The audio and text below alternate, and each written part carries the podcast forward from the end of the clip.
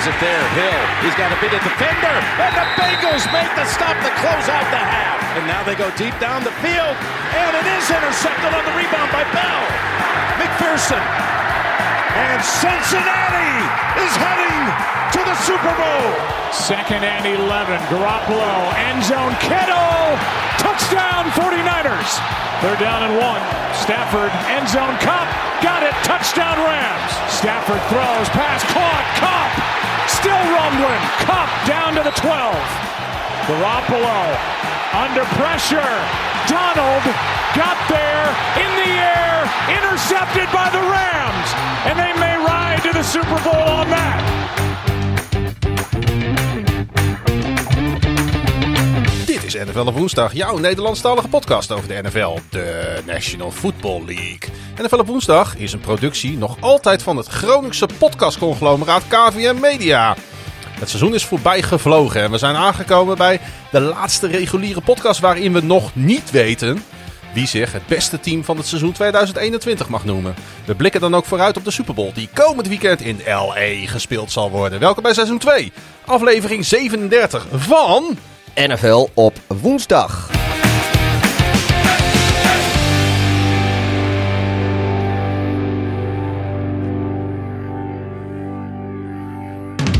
En we hebben het onszelf even makkelijk gemaakt eh, door de intro van aflevering 36 nogmaals te gebruiken. Het valt toch niemand op. Nee, is niet, iedereen spoelt Nu wel. Iedereen spoelt dat door.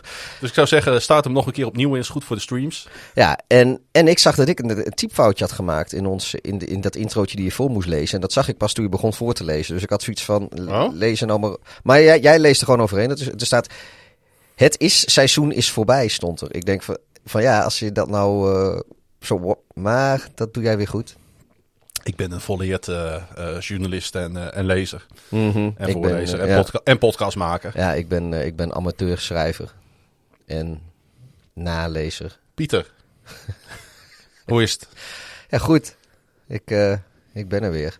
Je hebt een gigantische voorraad aan IPA's voor je staan. Ja, Een litertje of, eh, of twee, tweeënhalf. ja als we twee podcasts Wat zit erin in zo'n blik? Nee, iets minder. Nee, iets minder. Ik overdrijf. eh, even kijken. eh, ik denk eh 1,7. Misschien 1,75 liter, Ja. zoiets. Ah, is niks. Peanuts voor ons. Deze, deze lijkt iets groter te zijn. dan die andere. Dat zijn ze vannacht ook. Ja. Hey, eh, we gaan namelijk twee podcasts opnemen. In deze podcast, eh, eh, seizoen 2, aflevering 37, kijken we vooruit naar de Big Dance, zoals het zo mooi heet, in de, ja, wat is het, de City of Angels. Ja. De Super Bowl. Super Bowl 56 in, in LA, tussen de Cincinnati Bengals en de LA Rams. En daarna nemen we ook nog een extra podcast op met al het overige nieuws, want er is veel verschoven in de NFL op coachgebied. Ja. En er is een eh, Pro Bowl gespeeld. En er zijn spelers die hebben zich weer eh, vergrepen aan, eh, aan het een en het ander. Dus ook genoeg te bespreken in de extra podcast. Maar daarover nu nog even niets. Nou, we gaan alleen maar over de Super Bowl praten nu. Zin in? In de Super Bowl of in deze podcast? Nee, in de Super Bowl natuurlijk. Oh, oh ja, dat, dat, ja, op zich wel. Ik, ik, ik moet zeggen dat, dat om de Pro Bowl kijk ik dan, dan niet echt. Dat doe ik niet zoveel mee. En dan, dan bloedt het altijd een beetje dood, zeg maar, het momentum. Want dit was wat mij betreft eigenlijk het eerste weekend. Het afgelopen weekend was het eerste weekend sinds afgelopen zomer dat er geen NFL was, Mhm. wat mij betreft. En dat ik dus ook eigenlijk niet, niet echt met NFL bezig ben geweest. Dus ik moet er even weer in komen. Maar eh, ja joh, als, eh, als dat straks die wedstrijd is en we gaan, eh, we gaan bezig met die voorbereiding en alles wat we eromheen gaan doen. En daarna lekker, lekker kijken in, in proeflokaal Hooghout aan het gedempte Zuiderdiep 61, wat, eh, wat Super Bowl Sunday onze studio is. Ja, we gaan een eh, live show maken. En die zal eh, om half tien aanvangen. En IJs en wederdienende. ongeveer tot en met middernacht. Want dan begint ja, het, het ceremonieel, zoals dat zo mooi heet. Begint dan ongeveer een beetje met Ja. de volksliederen. Volkslied moet ik zeggen. Wie, eh, wie zingt het eigenlijk, volkslied? Ja, wie was het dan? God, dat hebben we niet eens voorbereid. Ah joh, dat komt in de... Doen we wel in de... Het enige, ik heb negen pagina's script. En wat ik niet heb voorbereid, is het allereerste wat je aan mij vraagt. ja, nee, ik, we, we weten wel wie de halftime show doen. Die hadden een Ja, eigen dat, heb, eh, dat hebben we wel voorbereid. Maar eh, we gaan wel even vooruitblikken op het volkslied. v- doen we zondag wel, dat hoeft nu niet.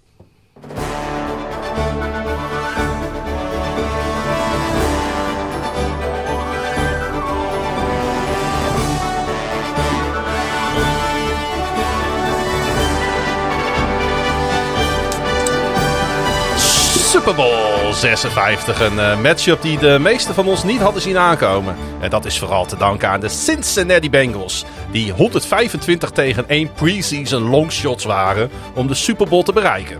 In 2019 wonnen ze, uh, hadden ze een NFL. Nee, ik zeg het goed. Wonnen ze een NFL Worst 2 wedstrijden.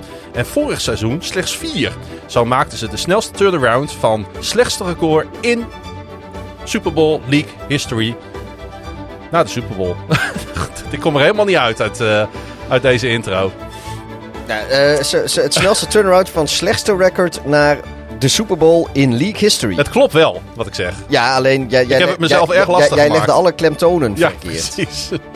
hey, laatste horde voor de Cincinnati Bengals, Pieter. Uh, dat zijn dus de Los Angeles Rams, die het uh, ja, tweede op één volgende team worden die een Super Bowl spelen in hun eigen stadion.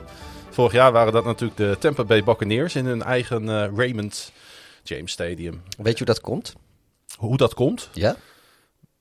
Dat komt omdat de bouw van het SoFi Stadium in Los Angeles een beetje vertraging heeft opgelopen. Ja. Want vorig jaar zou daar de Super Bowl gespeeld worden en dit jaar in Tampa. En die hebben ze toen maar omgedraaid. Hebben ze die in Tampa een jaar naar voren geschoven en uh, die in SoFi een jaar naar achter. En anders had gewoon uh, de Buccaneers in Los Angeles gespeeld en nu de Rams in, uh, in Tampa. Dus omdat ze, ja, die, die, die Los Angeles nezen gewoon uh, niet doortimmerden aan dat stadion, uh, hebben ze nu een, een, thuiswedstrijd. Ja, en dat komt de Rams natuurlijk niet slecht uit, want uh, vorig jaar waren ze er eigenlijk nog net niet klaar voor. Nee, nee, maar ik bedoel meer van dat, dat dus nu twee jaar op rij een team thuis ja. in de Super Bowl speelt. Dat komt eigenlijk gewoon, dat is dat stadion een beetje vertraging heeft opgelopen. Want eigenlijk hadden ze dus uh, met dezelfde Super Bowls had deze in Tampa gespeeld moeten worden. En, uh, de, de, en Brady uh, ja, dat is had lekker in, grappig inderdaad. Had lekker in, in, in Los Angeles mogen proberen nou ja, te winnen. En ze hebben wat te timmeren gehad. Want het resultaat mag er zijn. Hè. Het is een schitterende... Uh, schitterend affiche, dit stadion voor uh, deze Super Bowl. Ja. Iedere keer als ze zeg maar, met zo'n drone shot op dat stadion afgaan, dan denk ik van, oh, daar wil ik heen. Ja, het lijkt me ook, uh, lijkt me ook heel leuk om een keer heen te gaan. Ja. Het, het, is ook echt, echt een mooie stad. Het schijnt ook, als je dan van de, van de mensen die, nou het zijn meestal de beatwriters die dan, die dan overal een beetje gaan. Nou, dit jaar hebben de Bears zowel in SoFi als in Las Vegas gespeeld. En dat zijn natuurlijk mensen die, die ik een beetje volg. Die zeiden ook van ja, weet je. En ze komen natuurlijk ieder jaar in, uh, in Minneapolis, waar ook een uh, vrij nieuw, heel mooi stadion staat. Waar ook recentelijk een Super Bowl geweest is. En die zeggen ook van ja, weet je, dat, dat zijn wel stadions. Uh, uh, inderdaad, dat, dat stadion in Minneapolis en, en uh, Reliant is het volgens mij in Las Vegas. Dat is echt allemaal. En, en dat nieuwe ding in Atlanta. Al Allegiant. Oh ja, Allegiant. Allegiant. Oh ja, Allegiant. Reliant is van de Browns dan zeker. Ja, dat is nee. nou, weet ik ook veel. Maar in elk geval, uh, die zegt van joh, weet je wat de Vikings. Ga en de les in off-season. wat, de, wat, de, wat de Vikings en de Raiders en, en ook de Atlanta Falcons uh, allemaal hebben neergezet aan moderne stadions. Dat is schitterend. Maar SoFi is met niks te vergelijken. Dat staat echt, uh, schijnt dus in, uh, in, een, in, in een league of its own te zijn wat dat betreft. Ja, wij waren al in onder de indruk van, uh, van, uh, van Tottenham uh, Hotspur Stadium. ja. Waar wij een NFL-wedstrijd hebben gezien. Maar ja, goed, dat is natuurlijk wij, ja. geen, geen voetbalstadium. Ja, maar goed, wij, wij zijn onder de indruk van Fort Field. Ik bedoel, dan, dan, en dan zijn we nog niet eens... Dus... Dat is waar. Niks ten nadele van Fort. Het is gewoon echt hartstikke leuk om heen te gaan. Maar kan ik ook iedereen uh, van harte aanraden. Maar, uh... Ja, wij zijn, een beetje, wij zijn natuurlijk ook wel een beetje sokkers voor de verkeerde kind of love. Ja. Dus ook, dat past heel goed bij ons. Ja, als je mijn track record van vriendinnetjes bekijkt, dan dat, dat spreekt dat ook boekdelen, denk ja, ik. Daar gaan we er even niet over hebben. Nee. we gaan even wat vraagjes zo meteen bij langs van, van onze luisteraars. Die zijn binnengekomen. En um, daarna hebben we, uh, ja, we hebben zeg maar voor een aantal storylines gekozen. Hè? Die we eruit willen pikken waarvan wij denken van dat maakt deze Super Bowl interessant. Hè, we kunnen het bijvoorbeeld even hebben over uh, de relatie tussen McVeigh en Taylor. Want die hebben nogal wat met elkaar te maken. Uh, we gaan het hebben over hoe de Bengals de afgelopen twee jaar hun, uh, hun team hebben opgebouwd op een toch wel hele knappe manier. Mm -hmm. Nou ja, uh, we moeten het natuurlijk eventjes hebben over uh, de twee top wide receivers van deze twee teams. Jamar Chase aan de ene kant bij Cincinnati en Cooper Cup aan de andere kant bij de LA Rams. Hè, wat maakt deze spelers nou zo bijzonder? Ja, er zijn ook wel wat toffe spelers die we er kunnen uitpikken. Bijvoorbeeld een Andrew Whitworth. Hè, een, um, ja, dat is toch wel echt een veteraan in de, in de league hele toffe speler die elf jaar lang voor de Bengals heeft gespeeld. En nu nog uh, ja, actief en aanwezig bij de Rams. En, uh, en we hebben een hele mooie Who's That Man. Maar die ga ik nog niet verklappen. Daar gaan we het, uh, daar gaan we het straks over hebben aan het eind van de uitzending. En uh, kan je zeker even aanraden om te blijven luisteren. Zeggen wij van WC Eend. Ja, de enige, de enige hint die ik over wil geven is dat hij dat hij ook al extra speciaal benoemd is. heel lang geleden in de, in de preview show afgelopen zomer. Ja, onder andere door jou. Maar inderdaad. Hey, um, laten we beginnen met de vraag van, van Marcel. Om gelijk ook maar met de deur in huis te vallen. Wie wordt Super Bowl MVP? En toen ik deze vraag zag, dacht ik van... Ja, waarschijnlijk een van de twee quarterbacks. Ja, dus ik, ik ga... Ik... Maar hoe, dat is toch het een beetje historisch bepaald wordt namelijk. Ja, ik denk dat het Stafford wordt. Ik, ja, ik, ik nou ja, goed, het is ook geen geheim. Ik heb volgens mijn vorige podcast ook al gezegd dat ik denk dat de Rams dit gaan winnen. Ja. En Stafford, of inderdaad misschien Cup. Een van die twee zal waarschijnlijk wel. Maar ja, weet je. Kijk, een, ik zie het trouwens ook wel gewoon gebeuren. Ja, eigenlijk is het best wel een leuke vraag. Want ik zie het ook wel gebeuren al, als de Rams winnen. Dan zal het waarschijnlijk ook zijn omdat die O-line van de Bengals het niet houdt tegen de front seven van de de Rams. En dan zie ik het ook wel gebeuren dat Aaron Donald gewoon uh, de MVP wordt. Omdat het is alweer heel lang geleden volgens mij dat een verdediger MVP werd. En Aaron Donald is al jarenlang een gezichtsbepalende speler. En ik denk dat ze die... Maar goed, ik, ik, ja... Ja, als we eens even terug gaan kijken naar die MVP's. Vorig jaar was het natuurlijk Tom Brady voor de Buccaneers. Ja, daarvoor Patrick Mahomes.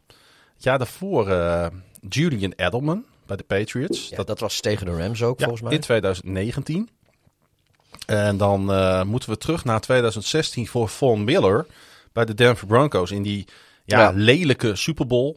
Dat dat toch een beetje was in 2016. Ja, tegen mij. de Panthers was dat. Ja, een wedstrijd die al heel snel beslist was. Die eigenlijk niet zo leuk was qua spanning om naar te kijken. Maar Lady Gaga zong het volkslied toen. Ja. Dat was in, uh, in, in Santa Clara, in het nieuwe stadion toen van de Klopt. 49ers. Ja. Dus we moeten terug naar, uh, naar dat jaar uh, voor, uh, ja, voor een... en daarvoor, voor is, hoe, hoe, lang is het daarvoor? Ja, ja. Ik denk Malcolm Smith, kan dat? Bij de Seahawks? Ja, oh, ja dat zou wel kunnen, ja. Hm. Nou goed, het is... Het is maar het is, ja, laten we zeggen, in acht van de tien gevallen is het een quarterback. Hè? Ja. Maar ja, er zijn zoveel playmakers uh, bij de Rams natuurlijk aanwezig. Dat het dit jaar anders kan zijn. Het kan natuurlijk Cup worden. Het kan natuurlijk Aaron Donald worden. Ja, het kan ook Burrow of Chase natuurlijk gewoon zijn. Ja, aan de andere kant. Als, maar dan moeten de, moeten de Rams waarschijnlijk wel winnen. Maar dat, ik, zou, uh, dat zou wat zijn. Als, of de, de, de, de Bengals. Maar ik, ik, als een rookie wide receiver MVP wordt deze wedstrijd. Ja, Dat, hij zit, dat, het zit erin. het zit erin. Spannend inderdaad. Maar hij moet wel bij de winnaar spelen. Um, gaan we naar Nick. Die vraagt: Heren, waarom wordt de Super Bowl eigenlijk niet op zaterdag gespeeld? ja, dat scheelt een hoop ziekteverzuim op maandag. En je trekt wereldwijd natuurlijk veel meer kijkers dan op zondag. Hebben we daar trouwens een, heb jij daar een logisch antwoord op? Of hebben we dit gewoon in het script geplakt en er niet over nagedacht? Nou ja, ik, ik denk nooit echt. Ja, kijk, weet je, uh, zaterdag is van historie uit natuurlijk gewoon uh, uh, college voetbaldag. En, en, ik weet niet, tegenwoordig is volgens mij op maandagavond, als het NFL-seizoen voorbij is, is volgens mij de National Championship Game. Die is volgens mij op de plek van, van Monday Night Football. Mm -hmm. Uh, maar van de historie uit was volgens mij de National Championship Game voor college was volgens mij op zaterdag en op zondag. Ja, weet je, maar ik, niet op dezelfde zaterdag trouwens als de Super Bowl. Maar ja, weet je, het is soep. Ik, ik... De Champions League finale is tegenwoordig ook naar zondag, hè? Ja, nou kijk. Gewoon, kijk, het is natuurlijk steeds meer en meer een televisiesport geworden. Ja, kijk, maar de FA Cup bijvoorbeeld, ja, die is op zaterdag dan. Maar dat, heeft, uh, dat is omdat zaterdag ook altijd een grote voetbaldag is in Engeland. Maar uh, ja, weet je, die zit ook gewoon in Engeland op zaterdagmiddag om vier uur of drie uur of zo is volgens mij de kick-off van de, van de FA Cup. Volgens mij drie uur en vier uur in Nederland. Dat is natuurlijk ook televisietechnisch uh, misschien helemaal niet, niet de beste tijd. Maar ja, weet je, in Amerika is, is het gewoon... ja, weet je, het is ook, ook gewoon traditie. Je, je, ramt dat ding gewoon op zondagavond. De zondag en dan, is voor NFL. Ja, en niet op de late Prime, niet op het late primetime slot, want uh, nee. dat, dat is uh, misschien ook weer, weet je, dan wordt het wel heel laat voor, voor de oostkust en het is misschien net wat te vroeg voor de, voor de, voor de westkust. Dus dat tijdstip is eigenlijk best wel goed dus, gekozen. Uh, Ja, ze, ze, Voor, voor heel veel eh, Nederlandse kijkers zou het in ieder geval wel prettig zijn geweest als het op eh, zaterdagavond ja, was. ja, mij bet- ja, eh, ik heb zoiets van, doe het le- lekker gewoon zondagmiddag, joh. Weet je, bijna Ja. lekker om 7 uur s'avonds. Ja, 12 uur is wel heel vroeg, want het is natuurlijk veel te leuk om daar een hele dag op die networks over te gaan praten. Ja, dat is ook zo. Weet je, ze zouden het ook gewoon inderdaad, eh, eh, dat hij dus om, om 9 uur begon of zo, weet je wel. Dus dat, dat ze hem daarom om, wat is het dan? Dat is dan 2 uur 's middags of zo. Maar ja, Want goed. als wij toch voor het zeggen zouden hebben. Ja, dan zag de wereld er zoveel beter uit. Precies.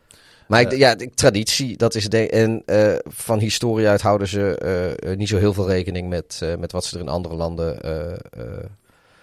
Nee. Ja, wat, wat de mensen er daarvan vinden. Daar hebben ze ook eh, gelijk eh, in, want hun eh, marktaandeel ligt voor 95% in Amerika. ja, als het niet meer is. Arjan Kruithof die vraagt: Wordt de NFC West standaard de Super Bowl leverancier komende jaren? Ja, en daar reageerde de Bucks-fan in de Netherlands meteen al op van... die dacht al dat, hij, dat, dat Arjen Abuis was en dat, dat de Bucks de komende jaren steeds in de Super Bowl staan. Nou, dat betwijfel ik. die staan er dit jaar niet eens.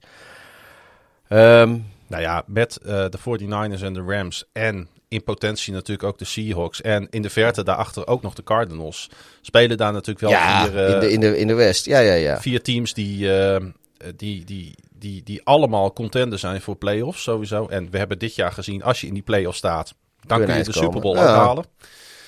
Ehm, ja, ik denk sowieso dat... eh, nou, het, het wordt wel... Kijk, de Rams zijn natuurlijk all-in, hè? Ja, nee. die, gaan, die moeten over een paar jaar, het- het over kan- twee, drie ja, jaar het, gaan die... Het kan echt eh, heel hard gaan. Precies. En dat, weet je, je kan ook zeggen van ja, en dan, dan zou de, de andere kant zou misschien wel de AFC West staan. Want nu staan de Bengals er toevallig.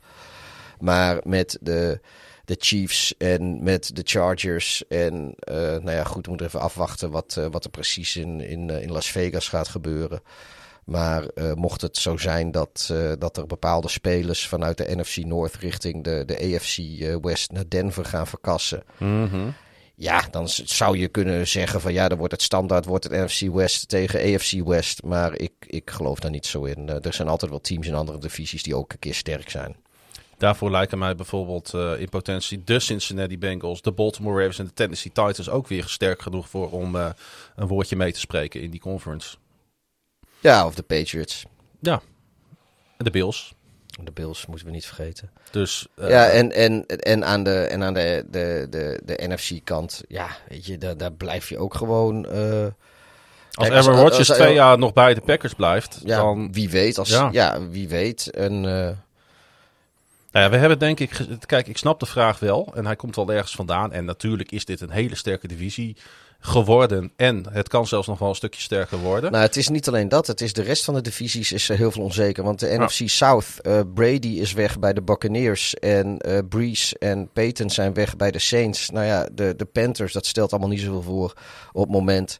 de Falcons hebben En, het en, en de, de, de Falcons, dat, dat, dat zijn ook geen, geen ijzerbrekers op het moment. En als je de, de NFC East kijkt, ja, de Cowboys, die, eh, die zouden natuurlijk, een, een, als die een keer playoff wedstrijden gaan winnen, dan kunnen die meedoen. Want die hebben natuurlijk op, op papier een goed team. Dus dat zijn, die Nou ja, zouden... die hebben het wel op hele trieste wijze eigenlijk laten afweten. Ja, die moeten eerst eens laten zien dat ze, dat ze playoff succes kunnen halen. Ja. Laat staan dat ze helemaal doorstomen tot de Super Bowl. Ja, de Eagles die zaten wel in de playoffs, maar niet echt gebaseerd op, op, op die zie ik in, ja, wat ik zeg, het kan snel gaan, maar dat, dat, het lijkt er nu niet op dat die binnen nu en een paar jaar eh Super Bowl kandidaat zijn. Nou ja, eh, de Washington Commanders moet ik nu zeggen, eh, zie ik dat ook niet meteen doen. En wie zitten? De Giants. De- oh ja, de Giants. Nou ja, die ook niet. Nee. Nou ja, en dan hebben we nog de NFC North. Nou ja, goed, dat hangt inderdaad een beetje af van wat, wat Rodgers en, en Devante Adams gaan doen. Eh, maar de Vikings die zijn aan het rebuilden. De, de Bears die zijn met van alles bezig. En, en de Lions zijn de Lions. Dus ja, Dat is altijd een mooie, hè? De Lions zijn de Lions. dus, dus in die zin, eh, ja, denk ik dat de NFC West eh, van de Staat vijf... verreweg het beste op. Van, van de vijf sterkste teams in de NFC spelen de drie in de West, denk ik. Goed, eh, we gaan het zien de komende jaren. Maar inderdaad, een flinke disclaimer is wel op zijn plek in de NFL.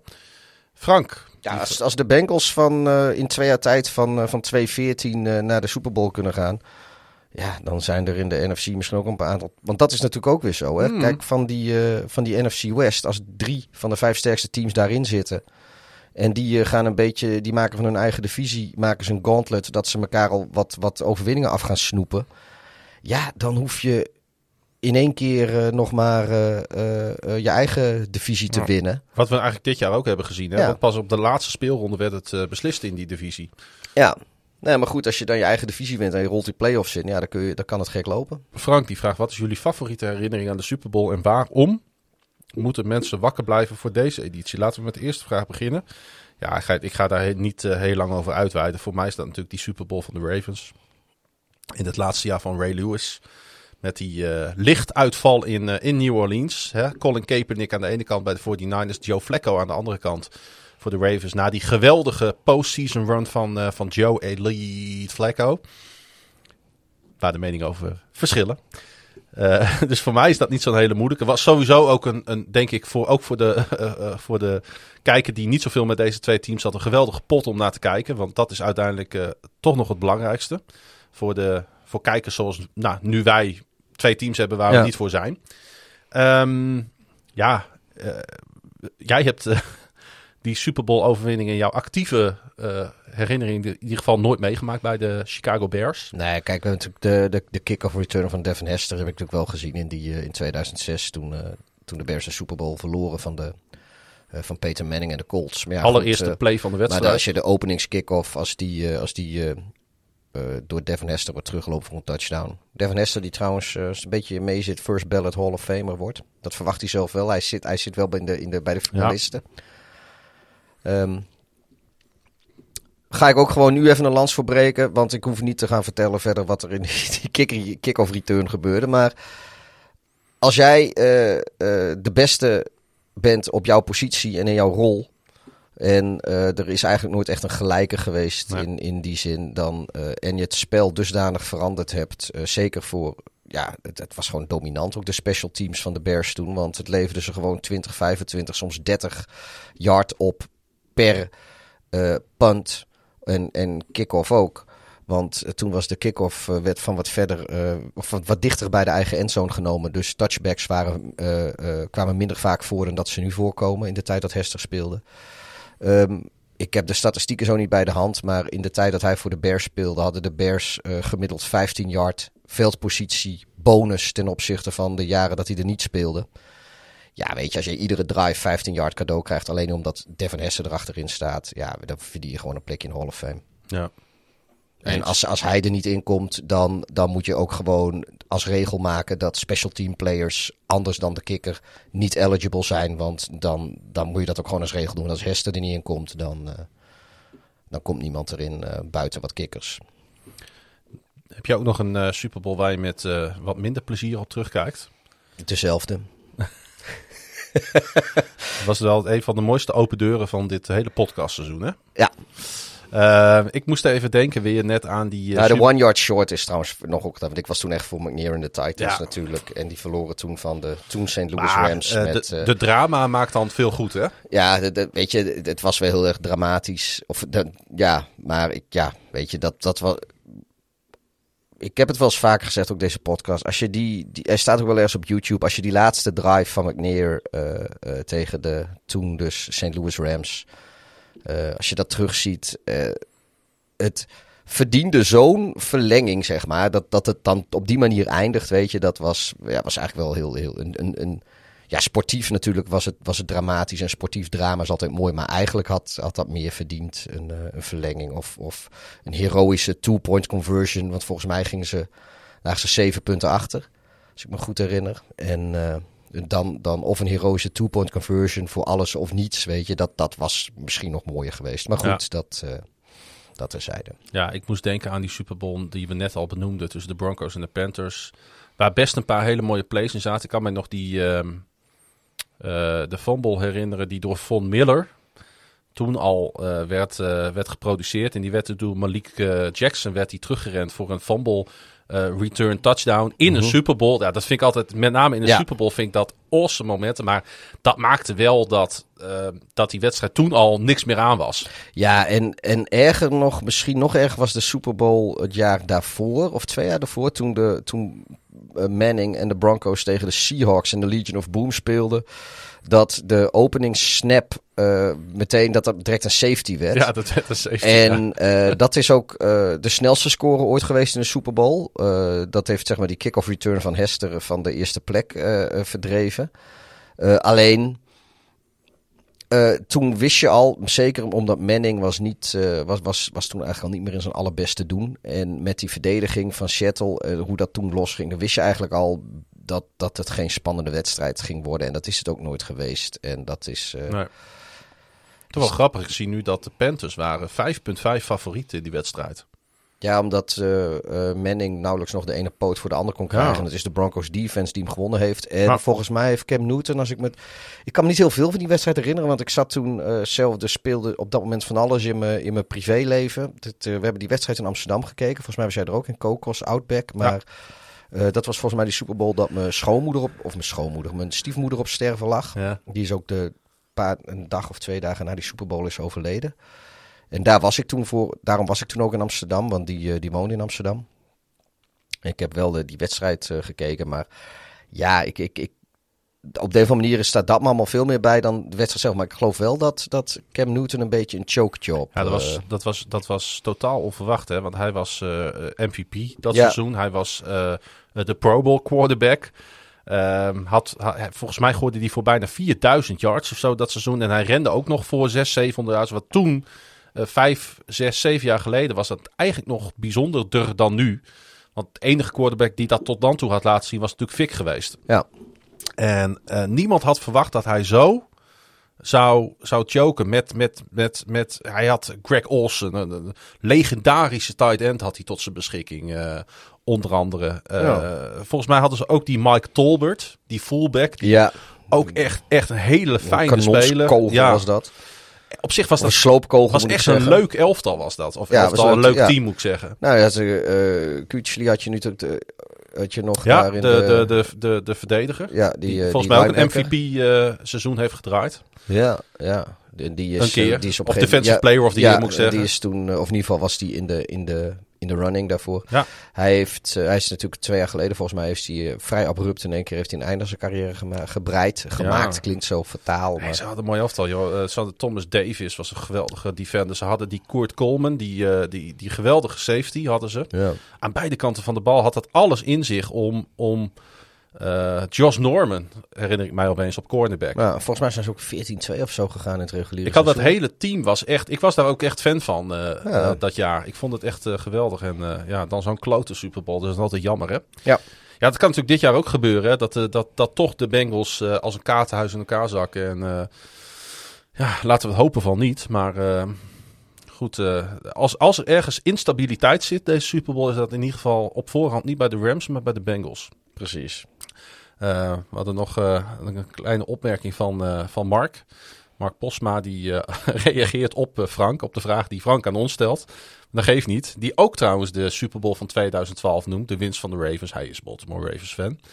En zijn slechtste herinnering is de Falcons. Die de trofee op het nippertje nog verliezen aan de Patriots. Ja, ja er waren heel wat anti-Patriots ja. die, die daar inderdaad flink van baalden. Maar achteraf is het natuurlijk wel heroïs. Ja, want daarom heeft iedereen het er nog wel over.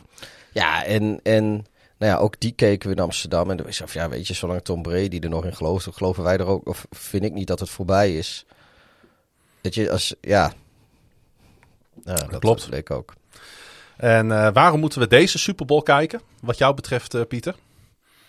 Waarom moeten mensen zondagnacht om half één uh, inschakelen op, op ESPN of Game Pass of de BBC, waar je ook maar wil kijken om om, uh, om te kijken. Heeft dat alles te maken met de Bengals en met, uh, met Joe Burrow? En uh, Jamar ja, Chase, ik, meer ik, nog dan eigenlijk met de Rams? Ja, ik, ik, sowieso is, is, is Burrow en Chase is natuurlijk hartstikke leuk om te zien.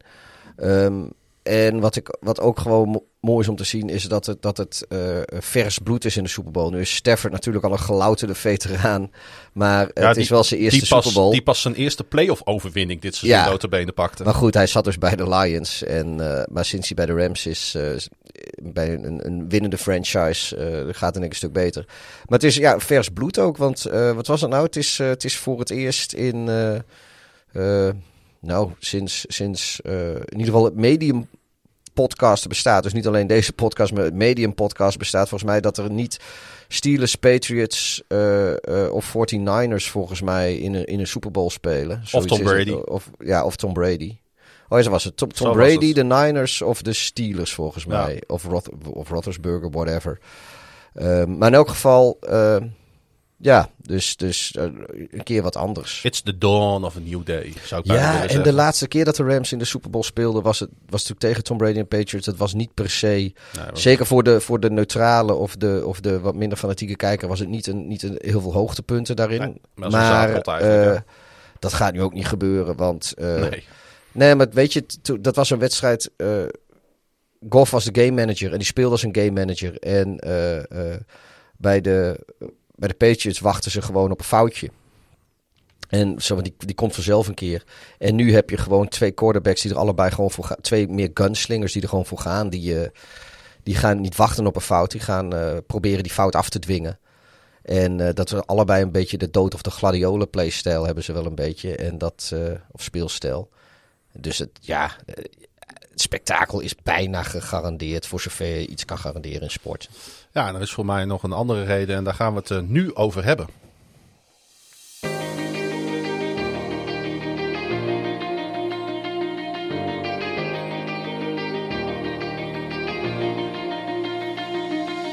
Een uh, paar jaar geleden was het een uh, running gag in voetbal. Ga een kop koffie drinken met Los Angeles headcoach Sean McVay. En je hebt een goede kans om zelf een NFL headcoach te worden. Nou, drie jaar geleden kozen de Cincinnati Bengals voor Zack Taylor als hun coach. Nadat hij twee seizoenen gecoacht had onder McVay. Ja, ondertussen is het geen grap meer. Taylor en McVay staan tegenover elkaar in de Super Bowl. Werken met Sean waren de beste twee jaren van mijn leven al, dus Taylor. It was fun. Iedere dag ging ik met plezier naar mijn werk. En dat plezier is ook precies de basis en de kern van mijn boodschap naar onze coaches en spelers. Wij werken met spelers die hier willen zijn en met een glimlach naar binnen en buiten lopen. Aldus uh, Zack Taylor, de jonge, relatief nog jonge headcoach van de Cincinnati Bengals. Wat heeft hij een indruk gemaakt uh, dit seizoen, hè? Ja, nou, ja, goed. Als, jij, uh, als je meteen richting de Super Bowl klapt, dan dan, ja, dan, daar kun je gewoon weinig aan af, afdoen. Uh. Ja, niet meteen natuurlijk, hè? want uh, hij heeft er natuurlijk even over mogen doen in zijn uh, derde jaar. Ja, nee, maar goed, het eerste jaar... Waren de Bengals nog de Bengals? Ja, toen, toen, was, toen was het natuurlijk nog wat hier echt een, een, selectie van brandhout. tweede jaar ging ze sterk worden, halverwege ja. het seizoen met, met, met, de, met de beentjes in de lucht. En dit is eigenlijk het eerste jaar dat, dat, dat nou ja, goed hij eigenlijk echt het hele seizoen kan spelen met een team die hij zelf ook samengesteld heeft op een manier die je een beetje mag verwachten. Dus dat. Uh... Ik zat te kijken naar, uh, naar onze goede vrienden en onze collega's van uh, Good Morning Football. Mm -hmm. en die hadden. Je mogen wij collega's noemen, hè? Die hadden, hadden McVeigh... Uh... Zitten tegenwoordig ook op de podcast. Uh, ja. Zijn er conculega's. Conculega's. Uh, noemen ondertussen. Ja, ze, ze hebben het ook al over ons gehad. Ja, heb ik dat, begrepen. Vooral Kay. Uh, over Kay gesproken. Die sprak met McVeigh. Ja, zij is uh, helemaal in de, into, the, into the Bengals dit... Ze, ja, het is alleen jammer dat McVeigh de coach natuurlijk van de oh, Rams is. Maar, maar zij is, ja, maar zij is ja, zij is, zij, is, zij is vroeg op de bandwagon gesprongen wat dat betreft. Ze is dwars die jungle ingelopen en er vol voor gegaan. Ja, ze, heeft ook, ze hadden een pep rally van de week in, in Cincinnati. En dan zat het hele onderste ring van het stadion zat vol. En dan kwam zij even op het grote scherm, kwam zij die Bengals uh, mensen toespreken. Maar die werden helemaal gek. Die, die werden, nou ja, zij is populairder volgens mij nog dan Joe Burrow en Jamar Chase samen ondertussen. En niet alleen bij de Bengals fans, ook bij uh, nou, de helft van, uh, van dit podcast duo in ieder geval. Oh, vind je dat zo leuk? ja, jij, jij zit op haar Twitter en, en Frank Metsmakers zit op haar Instagram. Dat, dat is waar. Ik, ja, meerdere keren zelfs. Ja. Ja, weet je nog dat we first class van uh, Detroit naar Baltimore vlogen. En toen hadden we dus zo'n uh, zo'n televisiescherm hadden we tot onze beschikking. Mm -hmm. En volgens mij zat, zat, zat, jij of Frank zat... Ik, zat, ik zat Good Morning Football uh, te kijken Dus jij daar een foto van nemen? Ja, dan kom je terug en dan, en dan heeft ze een selfie teruggestuurd. van, nou. Ze vraagt ook af en toe zelf om, hè, die vrouw. Ja, ja. um, McVeigh, uh, die, uh, die, dat was wel grappig, want ze sprak dus met McVeigh, even terug naar het onderwerp. Ja. Um, en die zei dus, ja, dat, je moet, ik weet niet of je dit soort dingen dus altijd met een korreltje zout moet nemen. Maar hij zei, ik heb dit al eerder gezien. In week 15 van het seizoen 2020 versloegen de 2, 10 en 1 Bengals de Pittsburgh Steelers op Monday Night Football. Met toen third string quarterback Ryan Finley. De week daarop wonnen de Bengals nogmaals met second string quarterback Brandon Allen. In een uitwedstrijd tegen uh, de Houston Texans. En toen zei McVay, toen wist ik al dat Zack de real deal was als headcoach. Wanneer het het moeilijkste is, stond hij op als leider. En dat is natuurlijk wel zo, want uh, deze Zack Taylor, die is natuurlijk vanuit de krochten, de absolute diepste kelder van de NFL, is hij, uh, heeft hij het, heeft hij het natuurlijk omgedraaid in, in Cincinnati. En ja, het is op zich natuurlijk logisch dat, dat Taylor McVay prijst en McVay Taylor, want ze kennen elkaar goed. Ja, en het is natuurlijk gewoon een bladzijde uit het boekje van Bill Belichick. Van je gaat gewoon uh, voorafgaand aan een grote wedstrijd, ga je tegenstander de hemel in prijzen. En, uh, Precies. Um, ja, niet dat je jezelf. Het is een beetje een opzichtige manier om jezelf een iets minder grote favoriete rol aan te meten, zeg maar. Weet je wel, dat ja.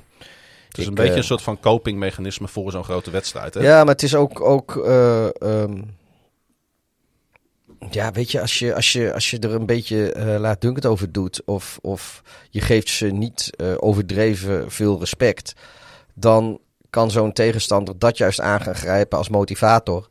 Dus kun je maar beter gewoon heel publiekelijk uh, vol lof zijn. En dan geef je gewoon al één, ontneem is in ieder geval alvast één, één motivator. En ja, ja weet je, het telt maar allemaal. Het maakt dus in dit geval natuurlijk wel terecht, want dit zijn wel twee coaches met lef. Ja, ja, ja. Alleen weet je, op basis van die ene wedstrijd, ik bedoel, uh, uh, van, van destijds tegen, tegen de Steelers. Denk ik, ja, uh, doe even normaal. Het is aan het eind van het seizoen. De Steelers die, die, die, die denken waarschijnlijk over, nou, dan gaan we van die Bengals gaan we wel even winnen. En dan komt, komt er in één keer de, de derde quarterback, nou ja, komt in één keer spelen. Hij zegt eigenlijk, daar begon voor mij de omslag ja. van de Bengals. Ja, ja, weet je, ja, ik, ik, ik vind het een beetje, beetje goedkoop. Maar uh, deze twee coaches hebben wel een geweldig track record neergezet dit jaar. Ze zijn eerste en tweede in de league met, zoals dat zo mooi heet, 11 personnel. Uh -huh. Dus dat je één, met één running back, één tight end, drie wide receivers speelt. Dat is, uh, daar wordt veel mee gerouleerd in, in, in, in de league bij veel teams. Ja, het is in principe de standaard opstelling tegenwoordig. Ja, maar zij zijn dus eerste en tweede. En Rams quarterback Matthew Stafford en Bengals quarterback Joe Burrow waren de enige spelers in het reguliere seizoen die voor meer dan 1000 yards scoorden uit empty formations. Dus met alleen de quarterback in, uh, in de backfield.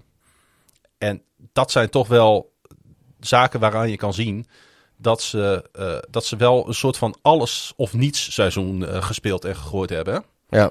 Ze zijn, ze zijn voor de keutel niet te duur wat dat betreft.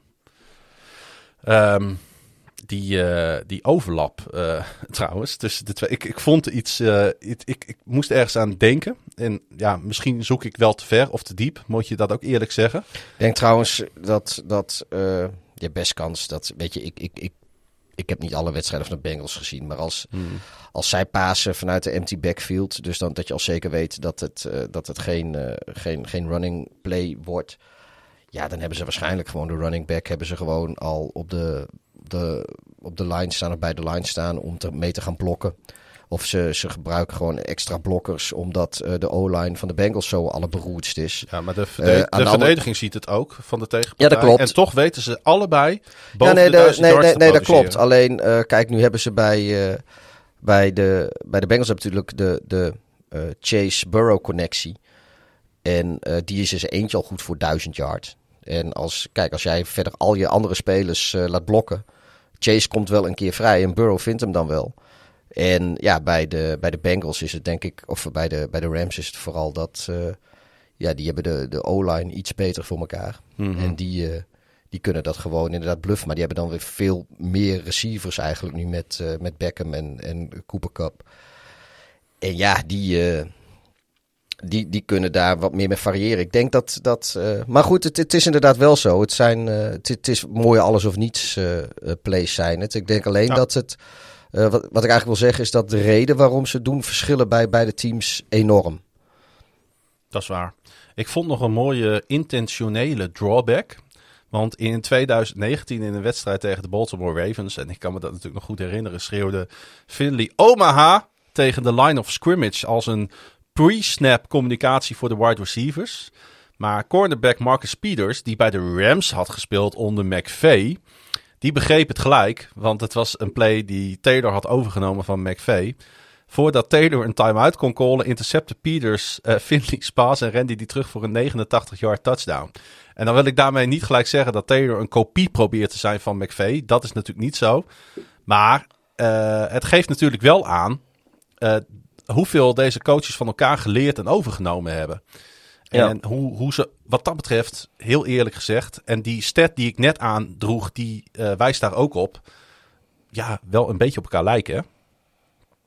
Ze, ze maken elkaar niet zoveel.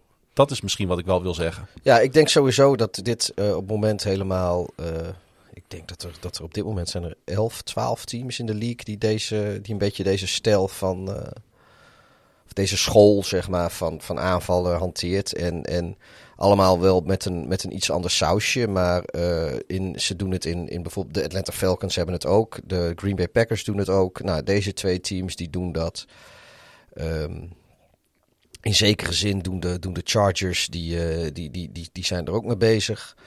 En zo zijn er nog een aantal andere teams. Uh, wat ik zeg, ik, ik, ik, heb dat laatst heb ik, heb ik er een keer naar zitten kijken. Volgens mij zijn er, zijn er 11 of 12 teams in de mm -hmm. league die, die deze aanvallende school hanteren eigenlijk.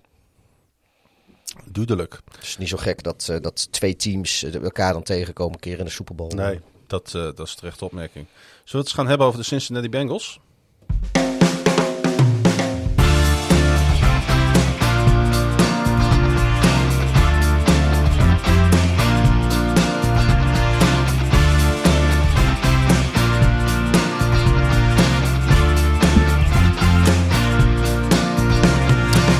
Uh, de Bengals die zijn voor het eerst sinds uh, 1988 AFC-kampioen. Zack Taylor was toen uh, vijf jaar oud. Het is Hoe de... was jij? in 88? Mm -hmm. Vier. Ik was acht. De, het is de, wat dat betreft natuurlijk de storyline van het seizoen 2021. Een storyline die een gezicht kreeg door quarterback Joe Burrow en receiver Jamar Chase. Maar gedragen werd door de beslissingen die de Bengals maakten in off-season en in free agency. Ja, iets wat uh, de Los Angeles Rams niet vreemd is. Want ze traden vier eerste ronde picks, één tweede ronde en twee derde ronde picks. En nog een vierde ronde pick weg voor Matthew Stafford. Jalen Ramsey en Von Miller. Moves die grote verwachtingen met zich meebrachten en ook waar werden gemaakt. De odds om de Super Bowl te halen waren in maart vorig jaar 10-1. Net achter de Kansas City Chiefs en de Tampa Bay Buccaneers. En die odds voor Cincinnati, Pieter, die waren 100 tegen 1. Ja, ik dacht zelfs 125 1 ja, ergens. Dat hangt, verschilt een beetje per boekie, denk verschilt een beetje per boek. En ook het moment dat ze het meten. Ja. Dus aan het begin van het seizoen of aan het begin van pre-season. Ja, oké. Daar zit nogal wat verschil tussen natuurlijk. Uh, ja, 100 tegen 1. Op het moment uh, toen eigenaar Mike Brown afgelopen offseason 124 miljoen dollar uitgaf aan uh, veteran contracts. Inclusief 40 miljoen gegarandeerd tekengeld. Om zo free agents, en laten we hun namen maar eens noemen. Trey Hendrickson, Chidobe Awuzie, Larry Akunjobi, Mike Hilton en Riley Reeve binnen te hengelen. Ja, wat dat betreft heeft die 86-jarige Brown, want zo oud is die eigenaar van de Bengals al, uh, heeft hij iets compleet anders gedaan. En hij is opeens, misschien wel, weet ik veel, omdat het richting het eind van zijn leven gaat, gaat is hij opeens met, uh, met geld gaan smijten, Pieter. Ja, hij wil denk ik toch een keer een kampioenschapje meemaken. Ja, want hij heeft uh, zich in de afgelopen free agency periodes twee jaar lang gecommitteerd voor 78 miljoen dollar aan gegarandeerd tekengeld. Dat terwijl in de acht jaren daarvoor het om totaal 45 miljoen dollar gaat. Dus wie zijn hier nou all in? Zijn het nou de Rams? Zijn het de Bengals of zijn het ze allebei? Nou, ik, ik denk dat. Uh, ja, sowieso de Rams natuurlijk. Die, uh, die spelen al jarenlang. Uh, spelen ze Super Bowl or bust met, hun, met hun technisch beleid. Ja. Ja, kijk, en ehm, bij de bij de Bengals hadden ze best wel door dat, dat, dat weet je, er, er was op zich wel wat te halen. Maar je, je, ja, een beetje met, met alleen kinderen win je het niet. Dus er moest echt wel, uh, weet je, en, en die selectie, die, die was natuurlijk ook gewoon brandhout op een manier die je niet uh, in twee off-seasons kan oplossen als je je niet uh, op de free agency markt ook gaat roeren en, en mee wil doen voor de, voor de grote spelers en de, en, en, en de goede spelers. Stevig gaat roeren zelfs op een manier waarop de Cincinnati Bengals dat in hun hele bestaan nog nooit eerder gedaan hadden. Nou ja, daarom hebben ze ook weet je, daarom sta je er nu ook. Kijk, je, had ook nog twee jaar kunnen wachten natuurlijk. Hè? Weet je, nog een paar drafts eroverheen. Maar ja, tegen die tijd uh, moet Burrow zijn eerste contract hebben. Uh, dan zit je met Chase, die daarna een contract moet hebben. Ja. En ja, ze hebben nu zoiets van luister. we hebben nu een van de beste receivers en een van de, van de betere quarterbacks in de league. En dat kost ze bij elkaar 4 of 5 miljoen dollar tegen de cap. Ja voor de, die twee plekken alleen, ja, dan ben je gewoon maar achterlijk als je niet uh, met, met je rest van je cap space ve veteranen haalt om, om dat aan te vullen. En toch is het bijzonder, want Cincinnati is natuurlijk geen sexy plek om naartoe te gaan. Hè, dat is het nooit geweest en dat was het in principe de afgelopen twee jaar ook niet per se. En als je dan kijkt naar andere off-seasons van teams die heel sterk, heel goed gepresteerd hebben of zelfs Super Bowls hebben gewonnen. Ja, uh, Peter Manning haalde tussen 2012 en 2015 al zijn vriendjes uh, uh, voor een spotprijs naar Mal High. Hè, de Wes Welkers en de Akib Talibs van deze wereld. Die wouden voor, voor een fooi wel naar Denver komen om een paar ringen om hun vingers te schuiven. Nou, hetzelfde geldt ook Hetzelfde geldt voor, de Tampa Bay Buccaneers, en ja. Tom Brady. We hoeven alleen maar de Gronk te noemen. Hetzelfde geldt ook voor Brown. Voor, um, Brown inderdaad. Hetzelfde geldt natuurlijk ook voor Tom Brady in New England. Waar spelers ook maar al te graag voor een iets lager salaris naartoe kwamen om onderdeel te zijn van een winnende organisatie. Die strategie, eh, je zou, hij, je zou hem zelfs kunnen benoemen voor LA, wat wel een fijne, zeker met dat nieuwe stadion en die nieuwe faciliteiten die ze daar gebouwd hebben, een heerlijke plek is om natuurlijk te wonen en te werken. Hele fijne markt ook. Absoluut. Die strategie was er natuurlijk niet voor de Bengals. Nee, nee, maar goed. Maar kijk, de Bengals kunnen gewoon uh, geld bieden. Kijk, laten we ook eerlijk zijn. De Bengals die hebben uh, uh, bijvoorbeeld zo'n zo'n Trey Hendrickson. Die geven ze geld wat misschien een, een, een, ja, een Tampa Bay Buccaneers of, of, of een, een Los Angeles Rams is. Van, nou, zoveel vinden we nou ook weer niet waard. Weet je, als, je, als jij een, een onaantrekkelijk of een team bent in een onaantrekkelijk is slecht woord, maar zeg maar in een onaantrekkelijke markt. Nou, de Cincinnati heeft dat bijvoorbeeld, Detroit heeft dat, eh, Cleveland heeft dat. Uh, even los van, van de sportiviteit. Want mm -hmm. uh, voor een speler, zeker een grote speler, is het heel interessant om in een wat grotere markt te spelen. Zoals in, in New York, waar de teams ook niet zo goed zijn. Maar daar kun je uh, heel veel reclamecontracten en binnenhalen als speler, waar je extra mee verdient. En het punt, punt is wat ik, wat ik wil maken, is, is dat, dat teams als de Bengals misschien wel een beetje meer moeten betalen, zeker aan tekengeld, dan dat dus uh, de teams op de, in de aantrekkelijke markten uh, hoeven te betalen of kunnen betalen, of de echte winnende teams kunnen betalen. Maar goed, ja. ze, hadden die, ze hadden de ruimte en een van de redenen is dus ook, wat ik net zei, dat, dat Burrow en Chase hun eigenlijk hun twee sterspelers allebei maar een fractie verdienen van wat... wat ja, wat je, wat je zegt, joh, die, uh, voor, de, voor de prijs van, van Burrow en Chase samen heb je, heb je een halve, nee, wat zeg ik, een derde left tackle. Ja, precies. Ja, en dat geldt nu is een left tackle natuurlijk een belangrijke positie. Maar voor minder dan, dan, dan 14, 15 miljoen per jaar heb jij geen, of zeg maar 12, als, als we een beetje, een beetje afhankelijk voor die contracten gestructureerd zijn. Maar voor minder dan 12, 13, 14 miljoen heb jij geen fatsoenlijke left tackle per jaar. Maar het is wel grappig om, te, om dan te zien hoe dat loopt. Hè? Want laat ik er één uitpikken. Ze hebben bijvoorbeeld gekozen voor de komst van offensive tackle Riley Reeve. Eenjarig deal slechts voor 7,5 miljoen dollar. Wel 5,5 uh, gegarandeerd. Hij start 12 wedstrijden voor hij op injured injury reserve belanden. Maar zijn komst betekende dan weer feitelijk de komst van Chase in plaats van tackle Penny Sewell. Ja. Want daar ging natuurlijk die discussie over hè, in het, in, rond de draft van afgelopen jaar.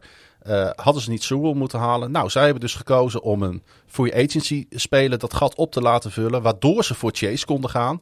Ja, en dat heeft ze zijn vruchten natuurlijk wel afgeworpen. Ja. En inderdaad, die Trey Hendrickson, ja, laten we die er toch even uitpakken. Want uh, die heeft het wel echt geweldig gedaan. Hè? Hij heeft 60 miljoen dollar gekost. gaat hij kosten over vier jaar, moet ik zeggen. Uh, maar hij noteerde een career high met 14 sacks in één seizoen. Dan, ben je, dan hoor je toch bij de, bij de grootte van, van de league, bij de top op je positie. En brak daarmee zelfs het Bengals sack era franchise record voor één seizoen. Uh, Hendrickson gaf uh, pressie, vond ik ook een mooie stat, op 16,6% van uh, bij pass rush snaps. Tweede in de NFL na Dallas Mika Parsons van in totaal 176 spelers met tenminste 200 pass rush snaps. Nou, deze twee uh, statistieken bij elkaar opgeteld. Ja, dit is een van, achteraf kun je zeggen, denk ik, een van de betere free agent signings over de hele league, hè? Ja, dit, dit zijn wel cijfers om mee thuis te komen. En ja, dan valt die 15 miljoen per jaar. Even, even uitgaan. Mm. Weet je, ik, ik reken voor het gemak even alsof het allemaal uh, even evenredig verdeeld is over de contractlengte. Wat ongetwijfeld niet zo is. Maar ja, dat, dat um, ja, is een koopje. Maar hij is niet de enige, hè? Awuzie. Beste cornerback in de league na Jalen Ramsey. Wie had dat verwacht? Toen deze uh, speler tekende bij, bij de Bengals. Hij, hij, hij, hij, hij eindigt in de rates zelfs nog voor uh, uh, Terrell ja. van Atlanta en Jackson van New England. Ja, weet je, het is wel weer... Um, kijk, het, het, het vertekent altijd wel een beetje in de zin van dat... in heel veel wedstrijden klapte Burrow en Chase er een partij yards tegenaan van heb ik jou daar. En werden er al vrij rap werden er veel punten op het bord gezet. Waardoor de tegenstander ook automatisch de bal uh, door de lucht moest spelen. Waardoor een pass rusher veel meer uh, kans krijgt om. want, want je, gaat wat, ja, je gaat wat meer mensen ook wegsturen. Je hebt misschien wel een blokketje minder. Dus een pass rusher die krijgt wat meer kans. een cornerback die, die, die krijgt wat meer kans om. om mm -hmm. zeg maar in de, in de schijnwerper staan. Om een goede wedstrijd te spelen. Dus ja, weet je, het is. Nee, het zijn natuurlijk. het doet hartstikke goed. Maar het, het is zo'n zo zo'n dynamisch samenspel wat, wat, wat de aanval en de verdediging samen doen. En door bepaalde types aanval kunnen bepaalde types verdedigende speler uh, uh, weer uitblinken. En ja, die, die balans klopt hier natuurlijk wel gewoon heel goed. Want zij hebben net... Uh, ja, ja, dat is het, hè? Want het is de balans inderdaad tussen enerzijds natuurlijk free agency. anderzijds een coachingstaf die snapt wat ze moeten doen. En derde component is natuurlijk de, de draft. Want in de eerste drie rondes uh, van, de, van de draft vonden de Bengals de afgelopen jaren bijvoorbeeld deze sleutelspelers: Chase, collega receiver T. Higgins, Tyler Boyd, running back Joe Mixon, Burrow, left tackle Jonah Williams, linebackers Logan Wilson en Jermaine Pratt. En ook nog eens die geweldige safety Jesse Bates III. Allemaal uh, uh, spelers die ze in de draft hebben opgepikt en op kampioenschapsniveau spelen. En ze traden ook nog eens voor defensive tackle BJ Hill. Die natuurlijk die geweldige interceptie uh, anderhalf à twee weken geleden had. Ja, nee, dat klopt. En, en nou ja, kijk, de, kijk, Joe Mixon in elk geval, dat is... Uh, en ja, T. Higgins eigenlijk ook wel. T. Higgins en Boyd volgens mij, als ik me niet helemaal vergis. Maar die komen natuurlijk nog bij andere regimes vandaan. Dus dat is... Uh, daar kun je op zich kun je de Bengals ook credit geven dat ze Joe Mixon ooit gedraft hebben. Maar dat is volgens mij al vijf, vijf jaar geleden of zes jaar geleden of zo. Die, die speelt al een poosje in de league. Als ik me niet vergis. Ik heb hem ooit, uh, zijn rookie seizoen was hij, uh, heb ik hem in fantasy gedraft heel laat. Daar was ik uh, toen op zich wel redelijk gelukkig mee. Ja. want hij zat toen achter. Maar de Boyd en Higgins, die zijn gewoon allebei gedraft door de, door de Bengals. Ja, nee, dat zeg maar door andere regimes. Ja, door andere, dat klopt wel. Maar dat is wel wat ze de afgelopen jaren, zeg maar, uh, hebben opgepikt. Ja, nee, dat, dat, dat, klopt. Het is alleen dus... Uh, uh, er is relatief ja. veel goeds blijven hangen. Dat is waar ze nu, zeg maar, de vruchten ja, plukken. Nee, dat klopt. Het is, maar het is dus... Dat is een erfenis uit het verleden, zeg maar. En, en, dat, en dat is prima. Hmm. Maar het is... ja, wat ik zeg, de, de, wat, wat ze qua free agency doen, dat, dat is natuurlijk eigenlijk veel knapper dan wat dat betreft. Want daar hebben ze dus inderdaad precies op de plekken waar, uh, waar je het wel echt nodig hebt, hebben ze precies de, de juiste spelers gevonden.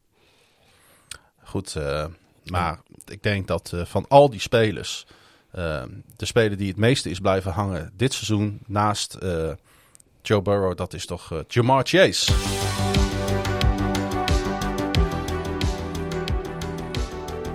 Want laten we eens over die twee geweldige receivers gaan hebben. Waar we denk ik komende zondagnacht erg van gaan genieten.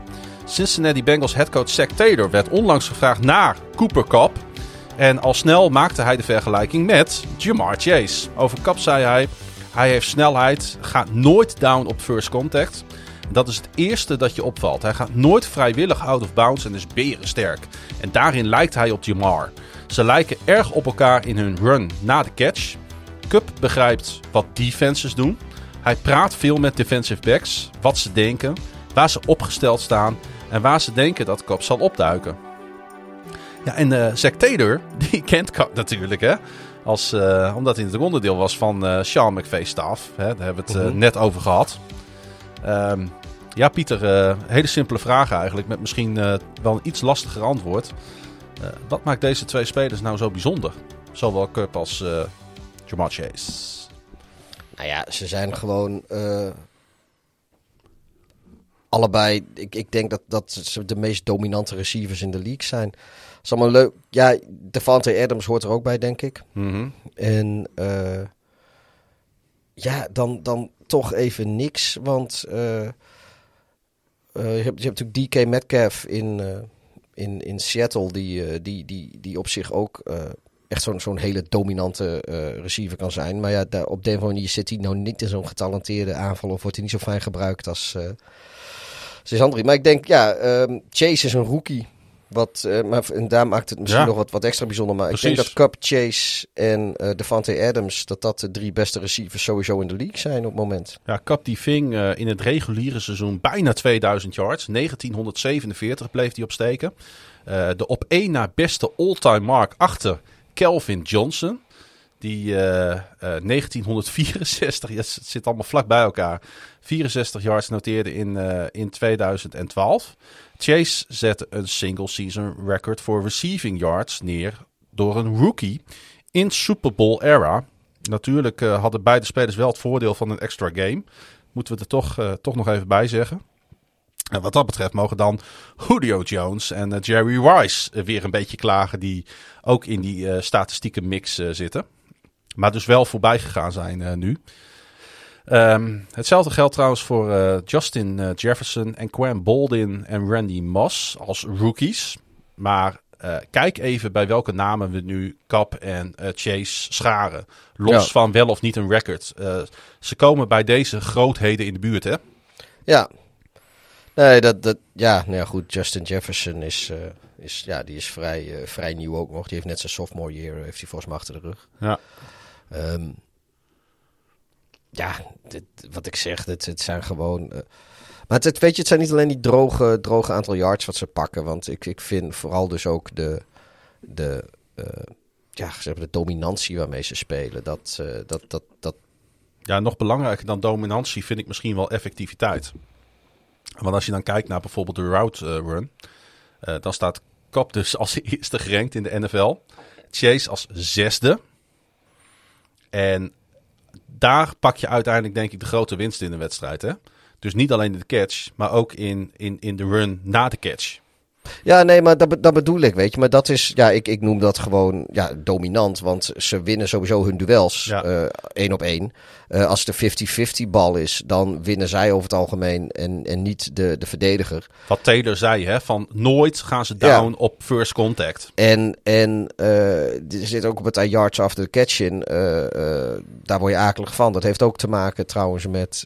dat, is, dat is niet per se een kwaliteit hoeft dat te zijn voor receivers. Dat, kan ook, eh, dat, dat is ook deels gewoon eh, scheming. En dat doet de, de, de, de play designer. De blocking assignments bijvoorbeeld, die aan andere spelers gegeven worden. Ja, maar je moet ook gewoon eh, als quarterback moet jij die bal ook op de goede plek gooien. Kijk, je kan wel op de nummers gooien. En dat is hartstikke mooi. Dat ziet er op televisie ziet dat eruit als de perfecte pas. Maar dat houdt wel in dat, dat een speler vaak even stil moet staan of even snelheid verliest om, eh, om die bal te vangen. En dat is prima, maar eh, het is veel mooier om hem in stride te gooien. Dat je dus een, een, een halve meter voor die speler gooit. Waardoor hij gewoon eh, eigenlijk niet, niet hoeft af te remmen. Dat die bal zich mee in een mandje valt. Nou, het is wel grappig dat je over begint. Want ik wou het eens even hebben over de choice route van, van Cooper Cup. Om even iets, iets wat voorzichtig mee doen. We zijn geen NFL-coaches. We zijn ook geen American voetbalcoaches. Maar dan hebben we het dus ehm, over de, de choice route van Cup. Dat is, eh, dat is een option route voor over het algemeen gemiddeld 4 tot 6 yards. Al heeft Cup Cup ook al laten zien dat hij routes voor 9 of 10 yards kan rennen. Eh, wat is dit nou? En ik, ik zou echt mensen willen uitdagen om als ze eh, zeg maar wat, wat dieper op het spelletje willen gaan eh, ingaan, om hier eens op te gaan letten komende zondagnacht. De receiver leest bij deze speeloptie de defense en heeft het vermogen snel te schakelen en open genoeg te komen voor een catch. De essentie is dat Cup geen vooraf bepaalde route heeft voor bepaalde plays. En het is eh, ja, zijn zaak om de dekking te lezen voordat hij beslist welke kant hij op moet. En daar heb je niet dus alleen een hele goede receiver voor nodig, maar daar heb je dus ook een hele goede quarterback voor nodig, wat jij net zegt. Ja, moet de bal wel, eh, wel krijgen waar je er wat mee kan. Maar dat is een nachtmerrie voor, voor eh, verdedigers. Hè? Als, als Kap zeg maar, op het aller, allerlaatste moment tijdens de snap pas gaat bepalen welke kant hij op gaat. En dus Matthew Stafford dat op dat moment ook nog niet weet. Nee, maar die, eh, die kan anticiperen. Juist, ja. En Burrow heeft, heeft dat ook wel in zich, hè, denk ik.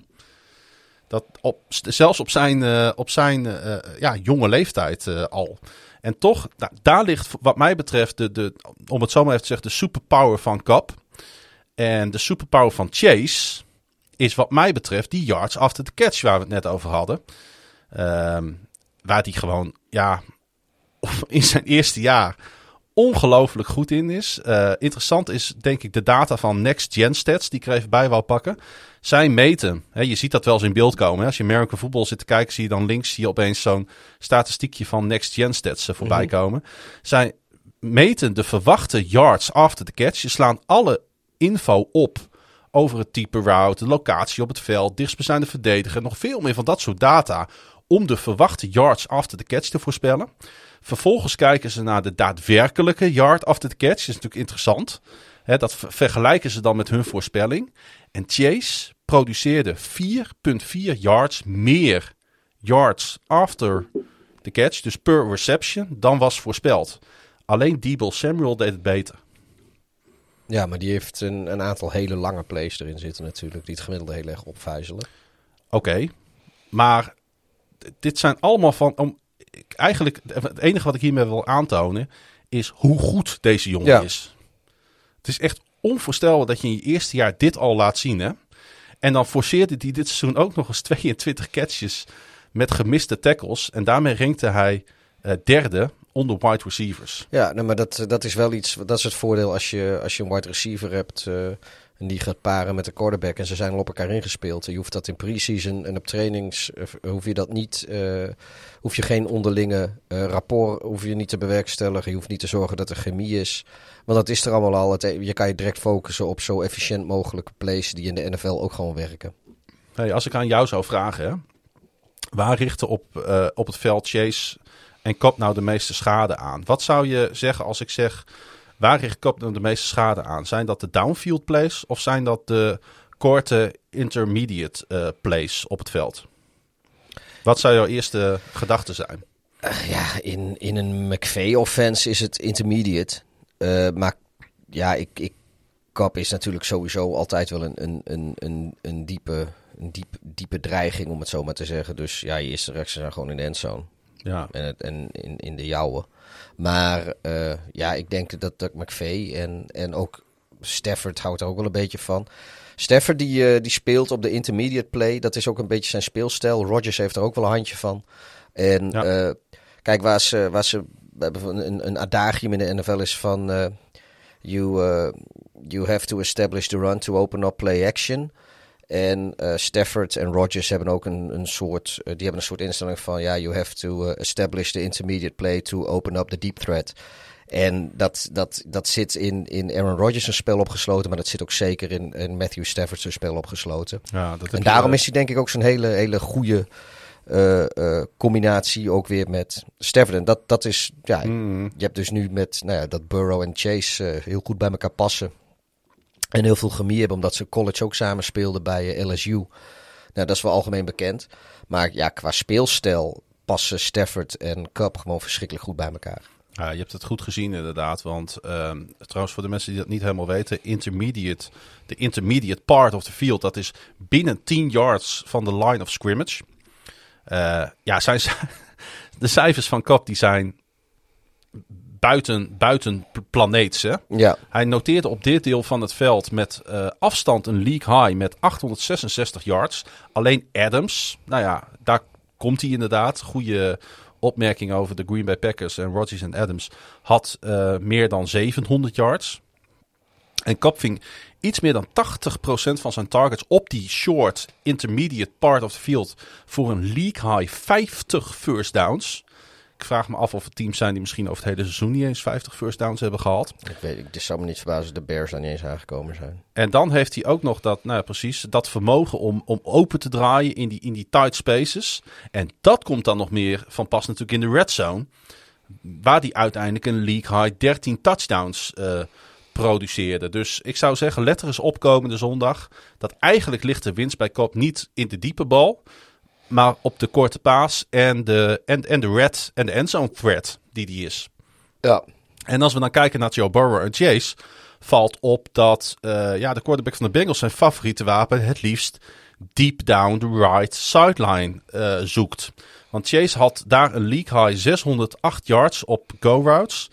Hij had een league high 8 touchdowns op deep passes. Een deep pass is 20 yards of meer. Of meer. En wat ik mooi vind eh, tussen deze twee is dat Chase echt niet helemaal volledig wide open hoeft te staan hè, voor Nee. Burrow om, om, om, om, een kans, eh, om het een kans te geven. Nee, de, Chase is wel echt, eh, die, die wint die 50-50 ballen wel. Aan de andere kant, hoe vaak gaan de Rams ehm, Chase one-on-one on the outside zonder safety help laten staan? Nou, een safety over de top zal er wel zijn, maar Ja. ja. Jalen Ramsey mag het, mag het gaan doen, hè? Ja, Ik denk dat hij met, eh, met Chase meegaat. al denk ik, eh, ik heb eens een beetje daarna gekeken, om het nog even weer wat technischer te maken, denk ik dat de Rams er goed aan zouden doen om, eh, zoals het zomaar heet, split safety zone coverages te spelen. Dan hebben we het dus over een cover 4 met vier verdedigers diep en drie underneath. Ja. Of zelfs een cover 6, waarmee je dus met een cover 4 aan de kant sta- gaat staan waar Chase staat. En met een cover 2 aan de andere kant. En te- want over het hele seizoen genomen, tegen die coverages rankt Burrow 22ste in de NFL. En op die manier kunnen de Rams dus een safety over de top gebruiken tegen Chase. Spelen ze niet met die net genoemde coverage, dan zullen ze dus eh, enkel en alleen moeten vertrouwen op Jalen Ramsey. Dus hoe vaak gaan we, gaan we dit zien, is natuurlijk de grote vraag. Ja, nou kijk, als de, de, de, de Rams die zouden daar wel mee weg kunnen komen. Die hebben een dusdanig dominante eh, D-line. Dat Mhm. ze, ja, weet je, die, alleen hun front four, die, die kan al zoveel schade aanrichten. Tegen de, eh, ja, als zij eh, met veel spelers in coverage gaan de, de, de paas eruit proberen te halen. Ja, eh, Maar zo, Mixon die moet, maar, die, die moet het nog maar proberen om Ja. dwars door die, of door die D-line heen te rennen. En eh, als het een passing play wordt. Ja, ehm, zelfs, zelfs eh, Jamar Chase heeft tijd nodig. En, en als Burrow die tijd in de pocket niet krijgt. En, ja, dan, wordt het, dan kan het wel eens een lange avond worden voor, Ja, de, voor de. Bengals. En andersom geldt misschien wel hetzelfde. Hè? Want eh, ik denk dat de Bengals niet een hele andere strategie zullen toepassen. Al Ja, is het allemaal wel hebben- wat eh, trickier. Omdat de Rams Cup veel meer laten roteren. Die veel meer in de slot speelt. Hè? Twee derde van de, van de plays speelt Cup in de slot. Nou, dat is bij Chase is dat, is dat niet zo. Die speelt 80% van de snaps op de rechter outside. Ehm, maar ja, eh, Matthew Stafford, Pieter, jij zei het al. Eh, heb, ik heb het even opgezocht, want eh, ere aan wie ere toekomst zeg ik dan altijd. Hij was de beste quarterback tegen man coverage, tegen single high coverages en tegen de blitz dit seizoen. Nou, er waren sowieso eh, cijfermatig, maar eh, eh, afhankelijk van welke cijfers erbij pakt. Maar als je ze allemaal combineert, waren er met twee quarterbacks beter dit seizoen dan hij. Ja. in de hele league. En dat één heet Tom Brady. Dus ja, dan... ja. En Kap, die is ook nog eens een blitzkiller. Eh, Zijn 636 receiving yards tegen de blitz waren namelijk de meeste door alle receivers. Een stat waarin Chase overigens derde was. Dus je ziet wel hoe dicht ze eigenlijk bij elkaar zitten, deze, deze receivers. Hè? Um, ja, ik denk dat we in ieder geval kunnen concluderen, Pieter, dat beide defensive coordinators, hè, Raheem Morris van de Rams en Lou Anuromu van de Bengals, uh, ja, erg selectief moeten zijn in wanneer ze een blitz callen. Want dat zal niet al te vaak gaan werken. Zie je, zie je dat misschien sowieso al een beetje in moderne uh, voetbal, dat er wat minder geblitst wordt. Ja, maar wat ik zeg met, met de O-line van de, van de Bengals en de D-line van de Rams. Ik, ik denk niet dat, dat de... Je hoeft niet per se te blitsen. Ik denk dat, dat, dat, dat de Rams, die zijn met vier man perfect in staat om bij Joe Burrow te komen. En als zij dan, uh, uh, weet ik hoeveel mensen in coverage hebben... Ja, weet je, je hoeft, je hoeft niet te zorgen dat, dat, dat, dat Chase de bal helemaal niet kan vangen. Je moet alleen ervoor zorgen dat Chase de bal niet vangt voordat bijvoorbeeld Aaron Donald bij de quarterback is. Of, uh, of, of, of, Floyd. Of, uh... Ja, we zeiden het al vorige keer. Het zou best wel eens kunnen dat Burrow zich een keer of zeven, acht moet laten sekken, deze wedstrijd. En dat hij dat dan maar voor lief moet nemen. Ja, maar dat, dat heeft natuurlijk deze playoffs al een keer eerder gedaan tegen de Titans. En nou, ik kan je uh, garanderen, die wedstrijd was zo close. En dat had voornamelijk ook een beetje te maken met de, het onvermogen van Tennessee en, en uh, Tannehill om die wedstrijd in het slot te gooien op het moment dat, dat ze de mogelijkheid hadden. Ja, dat, daar, daar kom je tegen de Rams niet mee weg, denk ik hoor. Met die gekkigheid. Als, uh, als hij daar ook weer uh, zo vaak gezegd wordt. En, maar goed, weet je, dat is. kijk, dat is allemaal leuk als we dat zo voorspellen. Maar als, uh, het, het, is allemaal afwachten of dat ook zo gaat. Anders hoef je die wedstrijd helemaal niet eens te spelen. nee, dat is waar.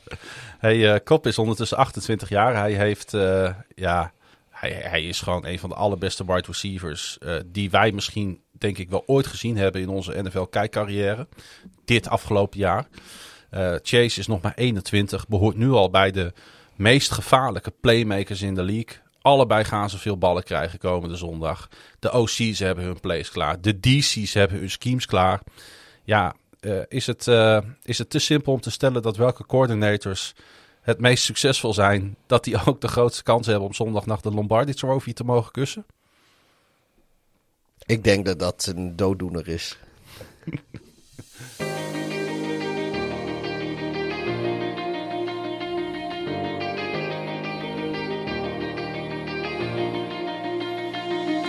Terwijl de Rams bezig waren met de warming-up voor de NFC Championship game, werd op het uh, grote scherm het einde van de wedstrijd tussen de Bengals en de Chiefs vertoond.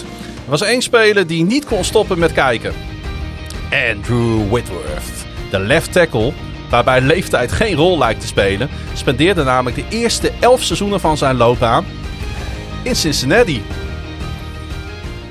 Ja, ik weet niet of je hem een beetje gehoord hebt uh, afgelopen week al over hoe hij over de Bengals en over de stad uh, uh, Cincinnati spreekt. Maar het lijkt in niets op een revenge game, hè, maar meer nee. op een reunie. Ja, stiekempjes had hij denk ik um, dit misschien wel aan de andere kant van de bal willen spelen. Ja, dat idee kreeg ik ook toen ik een beetje over hem las en hem een beetje zag inderdaad. Uh, Cincinnati zit wel heel diep in zijn hart en logisch. Maar dat is, dat is wel geldt voor meer. Wat dacht je van AJ Green?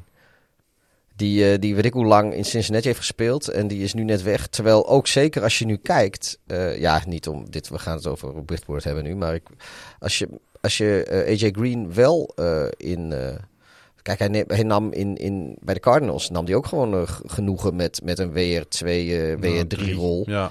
maar in ieder geval niet, niet, niet de, de, de grote WR1, laat ik het zo zeggen. Nee. En dat had hij waarschijnlijk, uh, als hij een paar keer met Chase getraind had, in Cincy ook wel willen doen. Ik denk dat, ze, dat voor Cincinnati was het heel, heel handig geweest als ze hem erbij hadden als extra bliksemafleider. Maar goed, dat, uh, dat terzijde ook weer. Ze hebben met Higgins, Boyd, uh, Chase natuurlijk ook een prima korps op de ja, ja, ja, ja, ja. Um, deze Whitworth, die ik toch even uit wou lichten, omdat ik ook wel een ongelooflijk uh, aardige en, en leuke vent vind.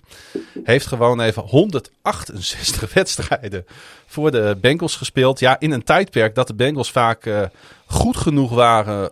minimaal zeg maar nou, 9, 10 uh, wedstrijden in een seizoen te winnen. One and done in de playoffs. Ja, nooit goed genoeg inderdaad in die playoffs. Tijdens de zes wildcard rondes vlogen ze er zes keer uit tijdens Whitworth's periode in Cincinnati. Dus deze man weet wat verliezen is in de playoffs. wat dat betreft is het hem ook wel heel gegund hè, dat hij nu eens een keer bij de Rams uh, onderdeel is van een team dat, uh, ja, dat, het zo, dat het zo goed doet. En dan ook nog tegen zijn, tegen zijn oude liefde. Of misschien wel zijn huidige liefde, heel stiekem dus. Als eerste liefde. Ja. Nee, dat was juffrouw Toos. Ja, ik vond het wel mooi dat hij... Uh, hem werd ook gevraagd, zeg maar, na, de, uh, na die, na die Las Vegas Raiders overwinning van de, van de Bengals van, ja, wat vind je hier nou van? Hij zei, ja, geweldig, zei hij gelijk, die Whitworth. Ik heb uh, nog altijd goede contacten daar. Ik volg ze altijd op de voet. En als het even kan, kijken mijn vrouw en ik samen naar de wedstrijden. Dat is toch mooi? Nou, dan krijg je toch gelijk sympathie voor zo'n uh, ja. voor zo'n spelers. Ja, en een van de relaties waar hij het natuurlijk over heeft is met Taylor. Hè, die, uh, we weten het, ondertussen twee jaar lang offensive assistant was onder McVay. En uh, de Bengals trokken Taylor een dag na het verlies in de Super Bowl tegen de Patriots aan. Zo snel waren ze eruit.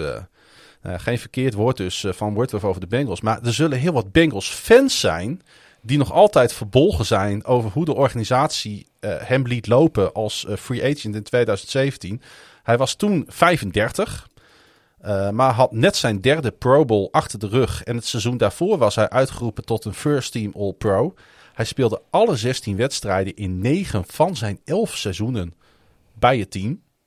Dat zijn left tackles waar je wat aan hebt, zeg maar. Mhm. En um, wat ik dan wel weer, uh, wat, ik, wat ik wel grappig, grappig vond, want hij ging dus door naar de Rams. Uh, de Bengals hadden eigenlijk niet meer uh, zoveel vertrouwen in hem. Maar ondertussen rankte Whitworth tweede in pass block rate onder offensive tackles sinds 2017. Dus sinds het moment dat hij naar de Rams ging. En in zijn eerste seizoen bij LA was hij Pro Bowler en First Team All Pro.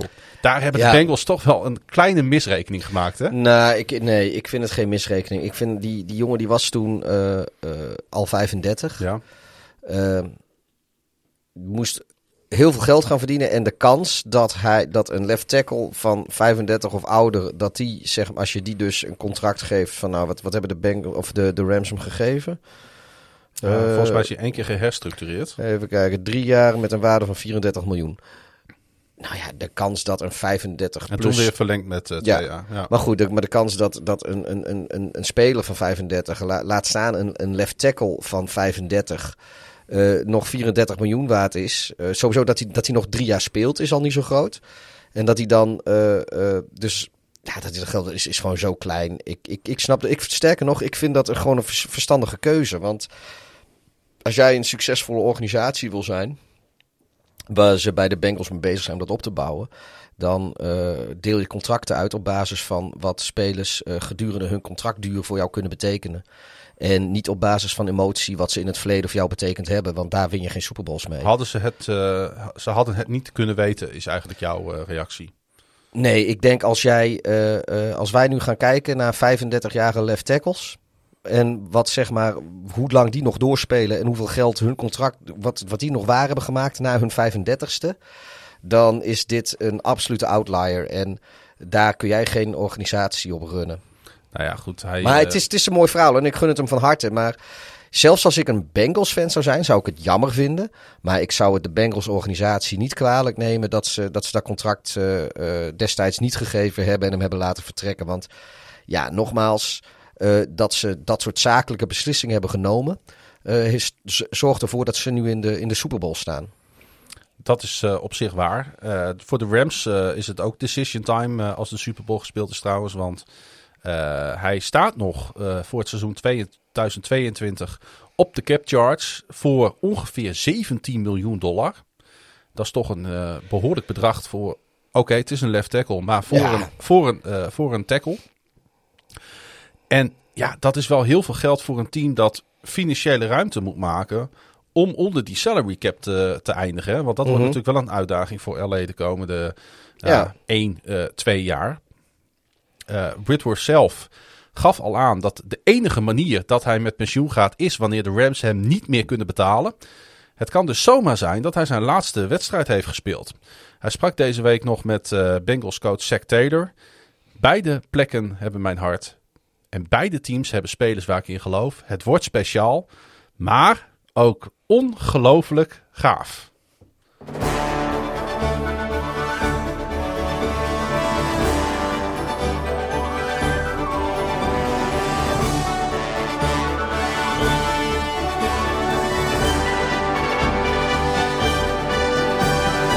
Ja, we kunnen er niet omheen, Pieter. Uh, het heeft niet zoveel met deze muziek te maken, die we nu draaien.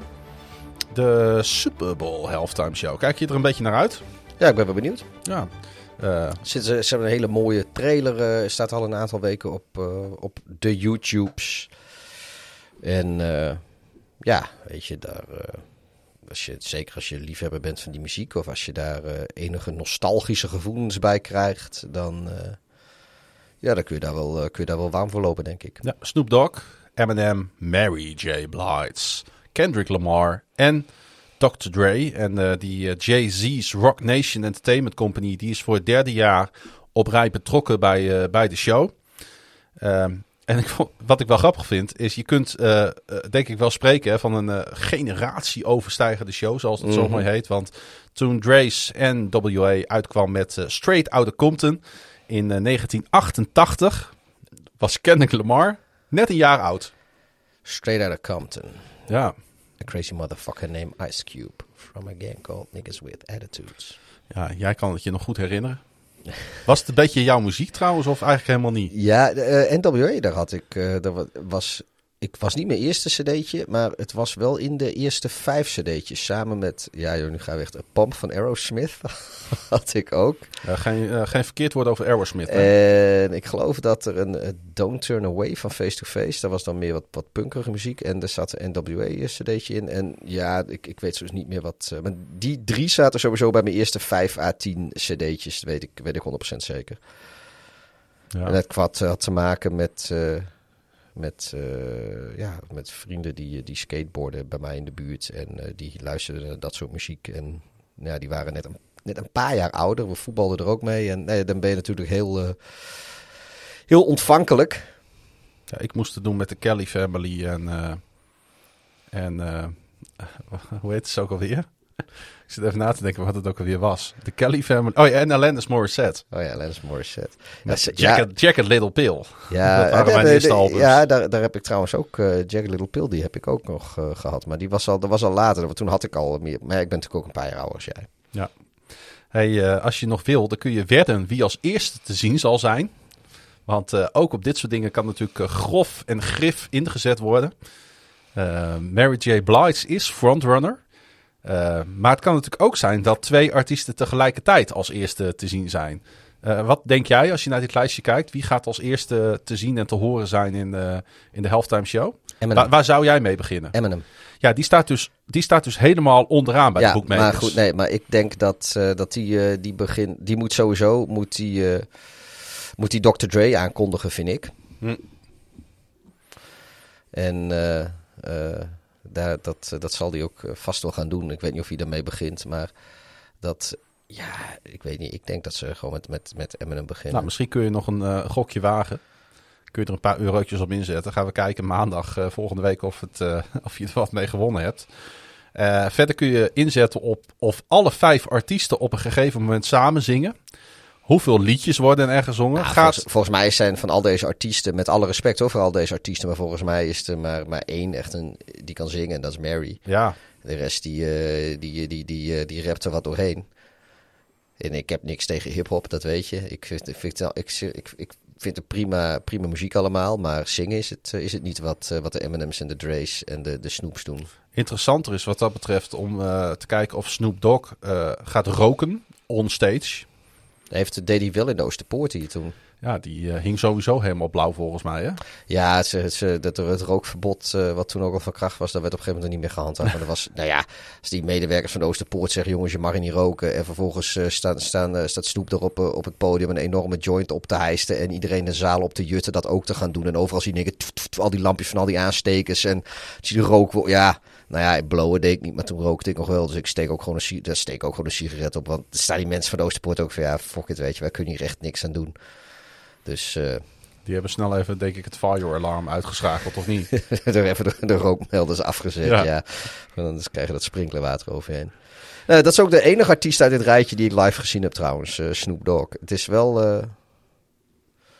Ja, dat weet ik trouwens niet zeker. Maar het zou maar zo eens de eerste halftime show kunnen zijn waarvan ik uh, de, een van de artiesten al eens live heb zien optreden. Uh, je kan ook nog inzetten of er problemen gaan uh, voorkomen met de kleding. Zoals 18 jaar geleden bij Janet Jackson en Justin Timberlake. Moet je dat even realiseren, Pieter? 18 jaar geleden was Nipplegate. Mhm. Voelt toch als de dag van gisteren? Ja. 18 jaar Zo- alweer. Zo lang geleden. En, laatste waar je op kan inzetten. Zal een deel van een liedje van Eminem gecensureerd worden? Ja. Want hij gaat natuurlijk zeggen van nowadays everybody wanna talk like got so to say. En motherfuckers act like they forgot about Dre. En dat, mother- dat zal, dat zal gebliept of uh, dingest worden. Maar ik kan me niet voorstellen dat hij dat niet gaat, dat dat niet voorbij gaat komen namelijk.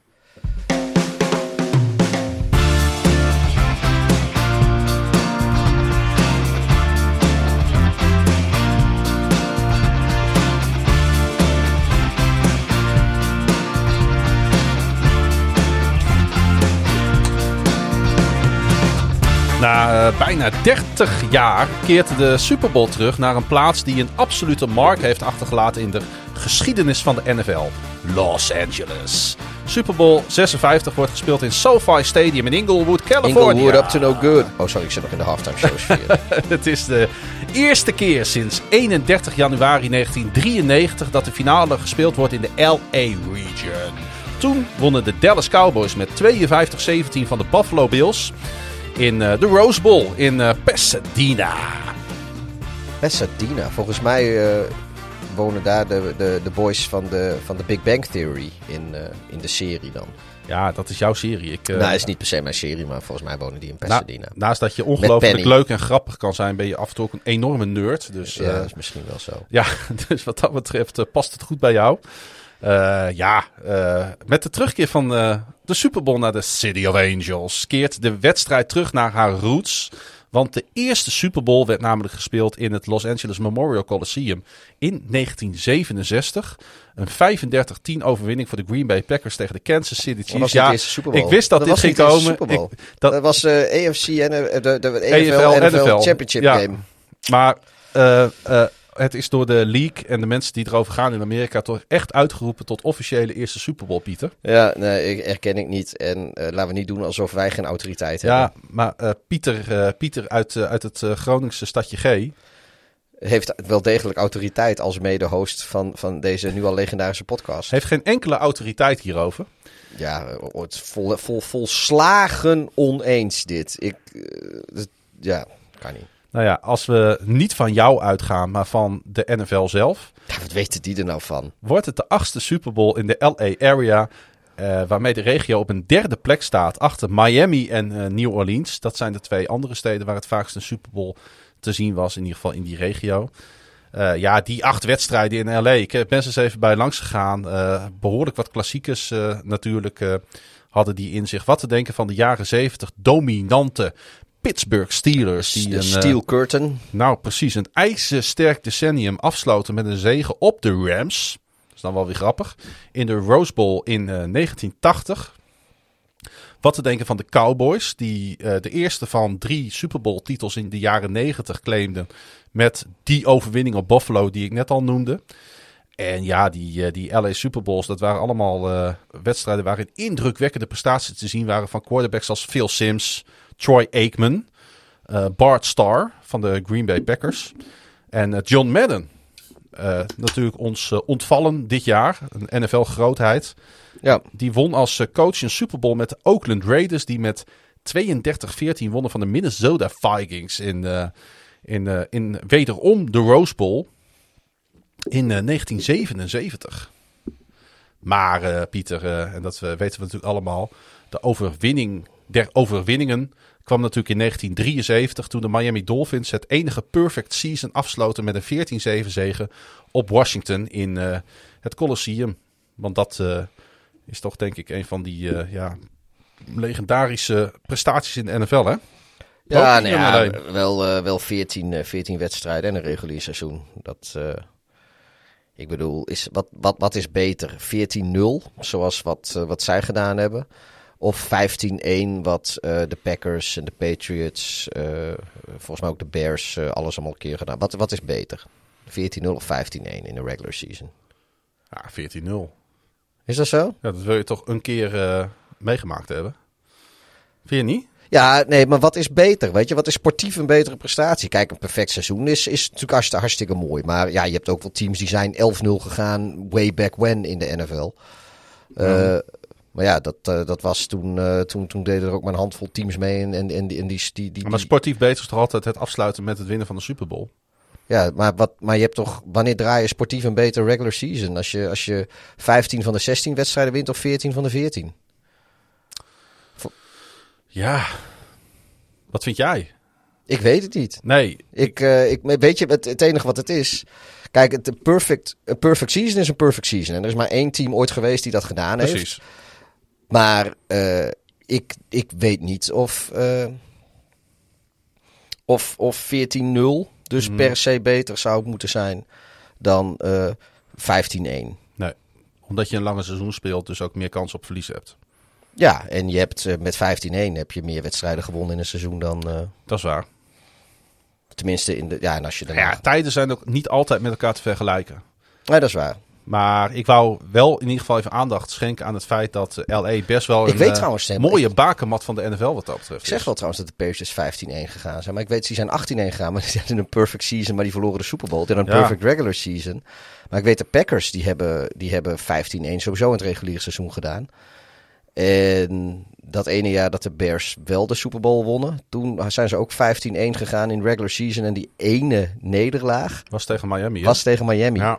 Waardoor eh, die dus eh, als enige team eh, de Ja. perfect season hebben gehouden. Ja. Maar ehm, ja, ik, ja ik, ik weet je, ik, wat ik zeg, perfect season is perfect season. En dit is ook echt niet de reden dat ik hier wat van vind. Maar ik, soms vraag ik me wel eens af of, zeg maar, ja, weet je, de jaren 70 met... Of, of, of een, een, een- een 15-1 anno nu, of een 16-1 misschien wel. Hmm. Eh, straks als je, volgens mij dit jaar was er geen 16-1 team, maar eh, weet je dat dat best kans dat het volgend jaar gebeurt. Ja, het is ook weer 14-0 of 16-1, weet je. Wat, wat, Ja. ja. Ik weet niet wat ik knapper vind. ja, maar goed, het, spelletje is natuurlijk ook ongelooflijk veranderd. Hè? Ja, Het is natuurlijk eh, in de loop van de decennia ongelooflijk veel meer mobieler, hybride geworden. Defenses zijn anders gaan spelen, defenses zijn anders gaan staan. Ja, maar het is volgens mij ook allemaal veel dichter bij elkaar gekomen. Ja. In de zin van, ehm, eh, ja, weet je, een, het, het allerbeste en het allerslechtste team. Het verschil is helemaal niet zo groot als wij soms denken hoor. Ik- Nee. In, en en dat- dat is in, in, in de NFL is het allerbeste team en het allerslechtste team ligt eindeloos veel dichter bij elkaar dan eh, eh, in, in bijvoorbeeld de Eredivisie. Ja, absoluut. Nou, helemaal mee eens. Hey, zullen we de afslu- ah, de, deze Super Bowl preview gaan afsluiten met de Who's That Man? Laten we dat doen.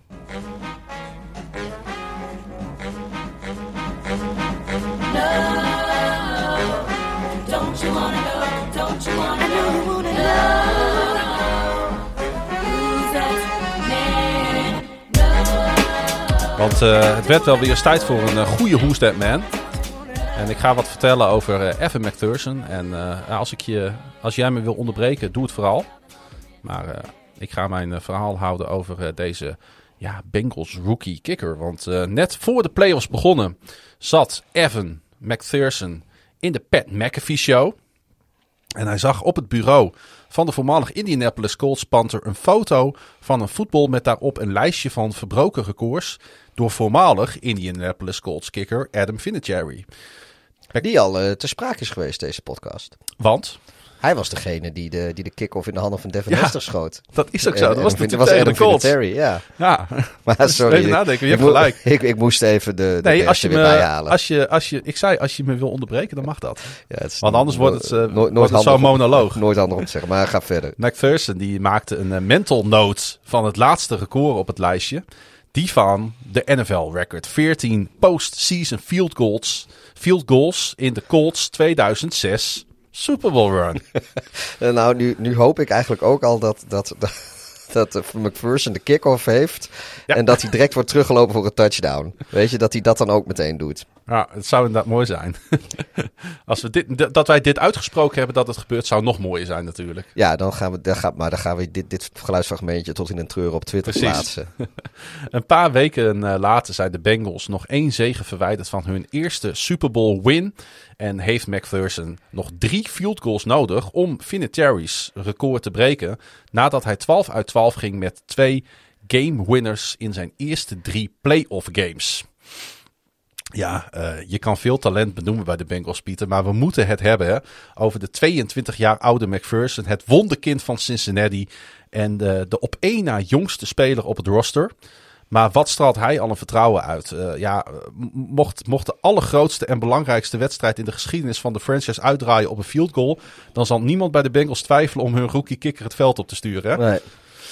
En eh, ja, het grappige is, wij hebben hem al benoemd natuurlijk in onze preview podcast. Jij begon er al over. Eh, als, als toch opvallende eh, keuze van, eh, ja, ik had hem. van de ik- Bengals. Ja, ik, ik, ik, ik herinner me. Ik weet niet meer precies wat ik toen heb gezegd. Maar ik heb, ik heb hem toen expliciet. eh, eh, bij onze AFC North preview bij de Bengals heb ik hem voor mezelf erbij gezet. Om, eh, ja, omdat ik het gewoon opvallend vond dat er in de vijfde ronde een kikker was. En het was Ja. volgens mij een compensa compensatory compen, compensatiepick. en eh, ergens achteraan in de vijfde ronde. Maar dat, goed, is, dat- dat, is en- een, dat is een pick die je nog wel mag sturen. ja, Ja. die, die, die mag wel. Maar ehm, de, de, het, het is, maar, maar goed, weet je, er- we gaan niet zo vaak kikkers in de vijfde ronde. Ja, Nee. behalve bij fantasy als jij ook draft. En ja, dat, dat is gewoon opvallend. Maar ik vind het des te mooier dat... eh, want volgens mij was toen zelfs ook... eh, was er wel wat over te- waren er wel mensen die er wat van vonden hoor. Dat zij eh, toen al gedraft hadden. Ehm, Maar ja, dat was een beetje kortzichtig. Want let maar op wat het verhaal van deze kicker is.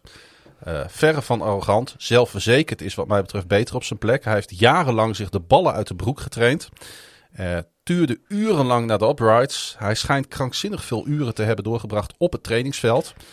Het leidde tot eh 12 field goals van tenminste 50 yards, een NFL-record. En 5 game-winning field goals dit jaar. Toch planden Ledon en Amber McPherson nooit een NFL-toekomst voor hun drie zonen. De jongens bleken idolaat van soccer. Voetbal, ons voetbal dus. Evan begon te voetballen toen hij vier jaar oud was. Toen hij acht was, reisden ze het hele zuidoosten van Amerika door voor Evans Travel League. Evan werd geboren in Fort Payne, Alabama. Roll Tide. Een eh, stadje in het eh, noordoosten van Alabama met ongeveer 15.000 inwoners. Europeanen vormden de plek rondom een voormalig fort. En het stadje staat bekend om de productie van sokken. Toch van Ja, alle geen, dingen... wonder, geen wonder ook dat, dat hij dan, dan interesse had in, in sokker. Oh mijn hemel. Ja, ik mocht inbreken als Ja, ik dat, dat mag. wilde. Mag het nog steeds? Dat mag nog steeds. Sterker nog, bijna de helft van de wereldproductie aan sokken komt hier vandaan. Fort Payne. Het stadje ligt precies op de route Birmingham, Alabama, Eh, Chattanooga, Chattanooga, Tennessee. bekend van de Chattanooga Choo Choo. Ja, nog altijd een eh, belangrijke handelsroute in Amerika, zowel over de weg als over het spoor. En op de een of andere manier komt deze, deze plaatsen, deze route komt vaker terug in onze podcast, hè? Ja. ja, volgens mij heb ik het de vorige keer ook nog over Chattanooga gehad. Precies, maar eh, misschien Was wel... dat in de podcast of was dat... nou, ik weet niet of dat, of dat was dat gewoon onderling, omdat... eh, Eh, het was sowieso in de podcast. Eh, ik denk in onze extra podcast, in onze extra content. Oké. Weet ik niet zeker. Nee, het is wel, maar het is niet. ergens is het wel logisch, omdat het een hele ja, grote Zuid-Noord eh, route is in Amerika, hè? vanuit New Orleans. Ja, maar ook een beetje, beetje oost-west in de zin... Of nou, oost-west, zeg maar...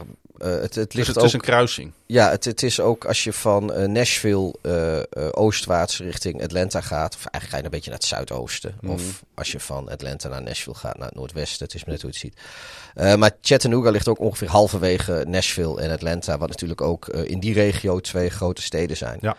En ja, op, die manier ja, is het gewoon... Het, ja, het ligt vrij centraal in het, in het noorden, van het zuiden, om het zo maar te zeggen. Terug naar het gezin eh McPherson. Er veranderde namelijk iets toen oudere broer Logan een try-out deed bij het college team van Fort Payne.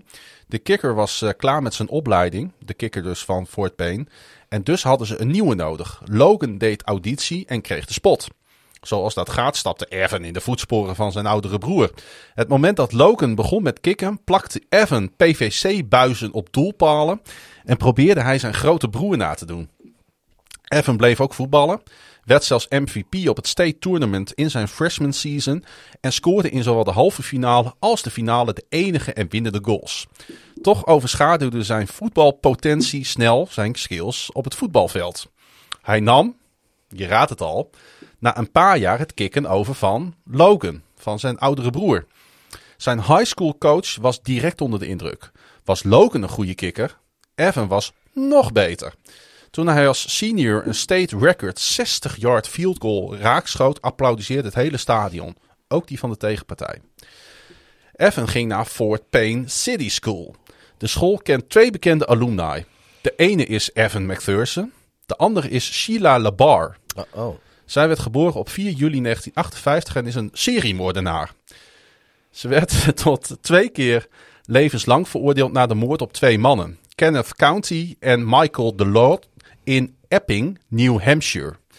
Tijdens, eh, ten tijde van de moorden woonde LaBar daar op een boerderij. Ze verleidde jonge mannen en lokte ze mee naar haar boerderij om ze daar vervolgens te martelen en over ze te heersen. Is een beetje een, een dominatrix dus. Ja, op de rechtszaak verklaarde ze dat ze een engel was, gestuurd door God, om eh, pedofielen te straffen. En, maar ze eh, verleiden zelf jonge mannen. ja, die ze dus beschuldigde van pedofilie. Ja, raar verhaal, hè? Ja, ja weet je, ik, ik, ik heb er ook wel eens aan zitten twijfelen om jonge, jonge, jonge vrouwen, jonge meisjes te vergelijken. Van, ja, zij, zij zijn pedofiel. Maar meestal komen ze dan toch bij mij uit. Dat ze zeggen, nee, volgens mij ben jij... eh, Ik denk dat het maar goed is dat ik het niet helemaal kan volgen wat je nu zegt. maar goed, daar beschuldigt zij, zij dus de vermoorde mannen van. Dat is dus de enige andere bekende alumni van deze high school. Ze zit momenteel in een zwaar beveiligde gevangenis in Florida. Nou, geheel toevallig eh, niet ver van de plek waar McPherson naar college ging. Namelijk bij de Florida Gators in Gainesville tussen eh, 2018 en 2020. Bij Florida was McPherson 51 uit 60, 85% En noteerde hij een Southeastern Conference record voor field goal percentage bij tenminste 50 attempts. En hij was 149 uit 150 op extra points. Hij heeft dus eentje gemist in zijn eh, college carrière. Tegen de tijd dat Evan naar de University of Florida vertrok, had hij kicken naar een eh, hoger niveau gebracht in Alabama high school voetbal. En nu, je raadt het al, nu komt Alex eraan, de jongste McPherson, die ook weer kijkt naar zijn oudere broer. Eerder dit jaar brak Alex op de, de, de, de, nations, de Nations number one kicking prospect Evans record met een 61-yard field goal. Dus hè, Evan McPherson had die 60-yard field goal als record. Zijn broertje heeft nu een 61-yard field goal eh, geproduceerd. En die gaat komend seizoen voor Auburn spelen. Toch ook geen klein eh, Nee. college. Nee, nee, nee. De avond van dat record belde Alex Evan op met de woorden... You suck! Om vervolgens weer op te hangen. Had ik ook gedaan. Vind ik dan wel weer mooi. Evan McPherson's zelfvertrouwen heeft twee belangrijke fundaties. Voorbereiding en een ongelooflijke competitieve drive. Voor Evan gaan ze hand in hand. Moeder Amber her- herinnert zich een dag dat ze niet zoveel zin had om Evan naar training te rijden. Nog voordat hij zelf een rijbewijs had. Evan, moeten we echt gaan vandaag? vroeg de moeder aan haar zoon. Nou moeder, als we vandaag niet gaan, gaat iemand anders wel. En dat zou betekenen dat diegene een dag voorsprong op mij heeft. En dus gingen ze richting het trainingsveld. Als ik een zoon had en die komt met, met zo'n bijna antwoordje, dan, dan, nou, dan zal ik hem laten zien wat kicken is, jongen. Dan, en, maar dan mag je wel zo- mijn, mijn schoen uit zijn, uit, uit zijn bilspleet halen, want dan krijgt hij zo'n ongelooflijke trap onder zijn hol. Goed. Maar het zegt wel wat natuurlijk over de drive en de passie hè, die, alle, Ja. die deze jongens Ik- ik- dus ik- hebben. Ik zit me dus serieus af te vragen, hè. En, niet, niet om dit verhaal hoor, maar iedere, iedere speler, jongens, dat, dat zit vol van dat soort verhalen. En nu denk ik van, is dat allemaal echt waar? Of, of zijn het wat aangedikte verhalen om het te dramatiseren, waar die Amerikanen die vinden dat weer schitterend, die Ja, liggen hun vingers daarbij Dat, af. dat doen wij bij NFL op woensdag toch niet? Nee, nee, nee, nee, nee, maar ik vraag me, ik, Hier ik, spreken wij enkel en alleen de waarheid. ja, ik, wij vertellen wel de waarheid, maar ik, eh, in de zin van dat die moeder zich dat eh, her, zo zegt te herinneren.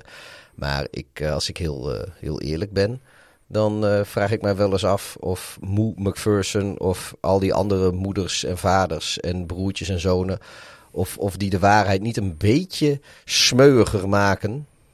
Zodat wij hier vanaf een zolderkamertje in het Groningse stadje G daar, daar een podcast over kunnen maken. Het zou best waar kunnen zijn, want het gezin was namelijk in het bezit van een betting cage. En op zijn vijfde oefende Evan, Evan al dagelijks en speelde hij in een machine pitch baseball league. Uren werkte hij aan zijn swing. Het draaide erop uit dat Evan het beste betting gemiddelde in zijn league had. Ik, eh, als ik dit zo zie, wat die jongen allemaal doet en zo, dan heb ik wel zo ernstige de twijfels of het, of het leven als topsporter, of, of dat er voor mij wordt ingezet heeft. Jongen, wij, ja, wij zijn goed in hele andere dingen waar, eh, waar de economie op, eh, op, op draait. ja. ja. Eh, Het mooie is wel dat Evan eh, tot nu toe in zijn eh, carrière blessures heeft vermeden. Maar hij vroeg wel alles van zichzelf. Op lokale en nationale kicking camps en showcases stond Evan erop om altijd als eerste te gaan in group drills. Niet om er snel vanaf te zijn, maar om de toon te zetten voor alle anderen. Op een camp van eh, kicking eh guru Jamie Cole, oud-kicker van Iowa State. En wat niet veel mensen weten, eh, het, het is kleinzoon van Helmoet Kool. Duitse voor, voormalig bondskanselier van van Duitsland. West- West-Duitsland toen nog. Eh, op, de, op, de, op het camp, trainingskamp van, eh, van deze Jamie Cole. Dus oud-kicker van Iowa State. La- ik noem het nog maar een keer voor Iowa State liefhebbers. Ja, zijn die er? Die zijn er. Moest iedere kikker vijf op één volgende kicks van 55 yards trappen. trappen. 250 highschoolers. Nou ja, je voelt hem al aankomen. Alleen Evan McPherson raakte ze allemaal. Out of 250 andere kikkers in het land. Jamie Cole. Shane Graham had het in de smiezen. De voormalig Bengals kicker was Florida's special teams quality coach. Als, ehm, als junior bij Florida stond McPherson klaar voor een 53, eh, sorry, 43 yard field goal om gelijk te maken tegen Texas A&M in het vierde kwart. Terwijl hij trapte, floot de scheids voor een delay of game penalty, een straf van 5 yards. Voordat de bal werd gesnapt, begingen de Gators een vol start, waardoor de field goal try opeens een 53 yarder was. McPherson blinkte niet eens met zijn ogen. Kunnen we nog een penalty krijgen voor nog eens 5 yards naar achteren? Grinnikte hij tijdens de time-out die Texas A&M nam voor de kick. Die was clean, een no-doubter. Graham had eh, McPherson weinig meer te leren, maar zag hem vooral mentaal groeien. Hij leerde Evan de fijne kneepjes van het NFL-vak die hij geleerd had in zijn 15-jarige NFL-loopbaan. Zo stuurde hij zijn leerling met een voorsprong de league in. Graham stuurde een tape van zijn kikker, Evan McPherson, naar Bengals Special Teams Coordinator Darren Simmons. Simmons had een grenzeloos vertrouwen in het oordeel van Graham en de Bengals draften McPherson in de vijfde ronde van de 2021 NFL Draft. Jawel. In zijn allereerste NFL-game kwam het aan op een game-winning kick in overtime tegen de Minnesota Vikings. Zijn accutaresse leverde hem vele bijnamen op, waaronder Money Mac. Vind ik wel een eh, lekkere, lekkere articulerende bijnaam, Money Mac. Hij miste ook een game winner. Een van zijn twee misses tegen de Ja, dat vind, ik, Packers. vind, ik- vind ik echt. dat- neem ik hem nog wel een beetje kwalijk. Wij zaten die wedstrijd te kijken, volgens mij, in, eh, in, aan het gedempte Zuiderdiep Ja. 61 in het Groningse stadje G. Nog nooit zoveel field goals in één wedstrijd gemist. Eh, helemaal gek, jongen. Ja, Dus wij waren blij dat de Packers hem ook weer misten. ja. En ik juist andersom, want ik hoopte juist dat de Bengals zouden verliezen. Ja. We waren even grote vijanden op dat moment. ja. Maar Ik had de bodem eh, al uit bierflesje geslagen. Ik denk van, nou is die... eh, Wat agressie zit er in mij Zo. deze laatste, laatste half uur. Maar goed, hij, ge- hij gebruikte het en beloofde zichzelf dat dat nooit meer mocht gebeuren. En hij was zo goed als feilloos hè, in de weken die volgden. Nog een paar dagen, lieve Pieter. En dan is eh, McPherson te zien op het allergrootste sportpodium ter wereld. Of hij zelf daardoor verrast is? hey, denk jij trouwens eh, dat, eh, dat over, eh, nou laten we zeggen, een jaartje of tien... dat Justin Tucker de, nog de, wordt, wordt, wordt herinnerd als de beste kicker in de AFC North? Of, Nou, deze jongen zit er natuurlijk absoluut aan te komen. of gaan jullie zijn broertje draften alvast? Dat zou wel, da- da- daar heb ik dus aan zitten te denken, inderdaad. Dat zou wel echt, dat zou wel geniaal zijn. Ik zou het hè? gewoon doen en dan, en dan Justin Tucker traden. Gewoon voor een eerste ronde pick naar een of andere knakenteam naar de Raiders of zo. Weet je wel, die, die dat dan doen. Ja, Of de Vikings die tegen die tijd zo wanhopig zijn op een, voor, voor, voor een fatsoenlijke kikker. Dat ze een eerste ronde pick weggeven Dat aan de, moet- aan de die Ravens. moet wel naar Minnesota Voor, voor, gaan, voor een drie- inderdaad. 33 of 4. Hoe oud is Justin Tucker op het moment? Eh, weet ik niet uit mijn hoofd. Hij zit denk ik eind, eind 20 of zo. Of Mm, begin 30. Zoiets, ja. Nou ja, dan is die straks, is die, eh, weet je, dan geven ze gewoon een eerste ronde pick op voor een 36-jarige takker. Zo van, nou, die kan er nog wel even 5, 6 jaar mee hier in Minnesota. En dan draften jullie het broertje van die McPherson. Tucker die breekt zijn been daar in Minneapolis en, en, en komt nooit meer goed. Alex McPherson. Ja, Onthoud die naam. ja, I called it man, hier, hoe dat gaat. Ja. Eh, wat denk je, Pieter? Eh, zal McPherson zelf, nu kennende wat zijn geschiedenis is en hoe die, eh, hoe die, hoe die over sport denkt en met sport omgaat, zelf verrast zijn dat hij in de Super Bowl staat komende zondagnacht? Nee, natuurlijk niet.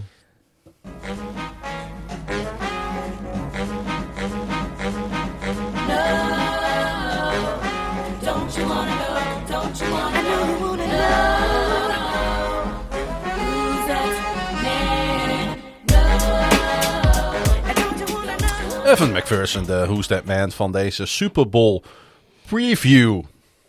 Doe maar weer. Ja, blijft nog één ding over. We hadden het stiekem al een eh, klein beetje gedaan. Een soort van eh, schot voor de boeg. Maar eh, we gaan gewoon officieel nu, want dit is de preview show, voorspellen. De astroloog die trekt uw horoscoop. Een ander die voorspelt uw levensloop. Met koffiedik of kaarten in een donker hol.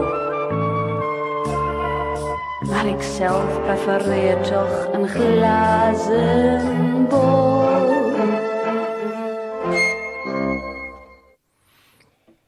De glazen bol eh, voor deze Super Bowl.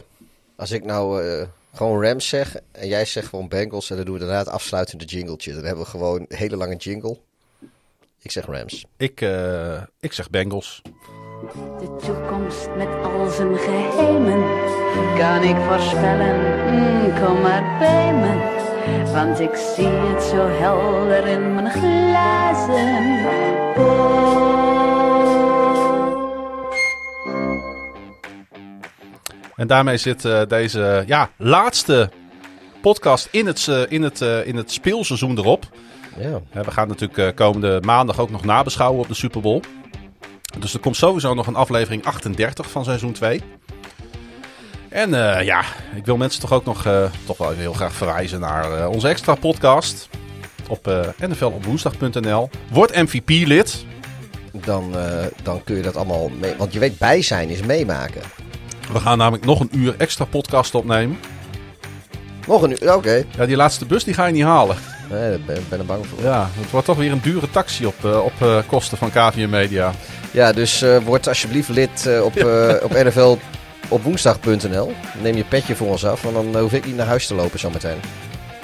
Hey, ehm, ehm, we gaan genieten komende zondagnacht. We gaan genieten hopelijk ook van onze live show. Ja, Die eh, vanaf eh, een uurtje of half tien ongeveer te zien zal zijn op eh, ons YouTube kanaal.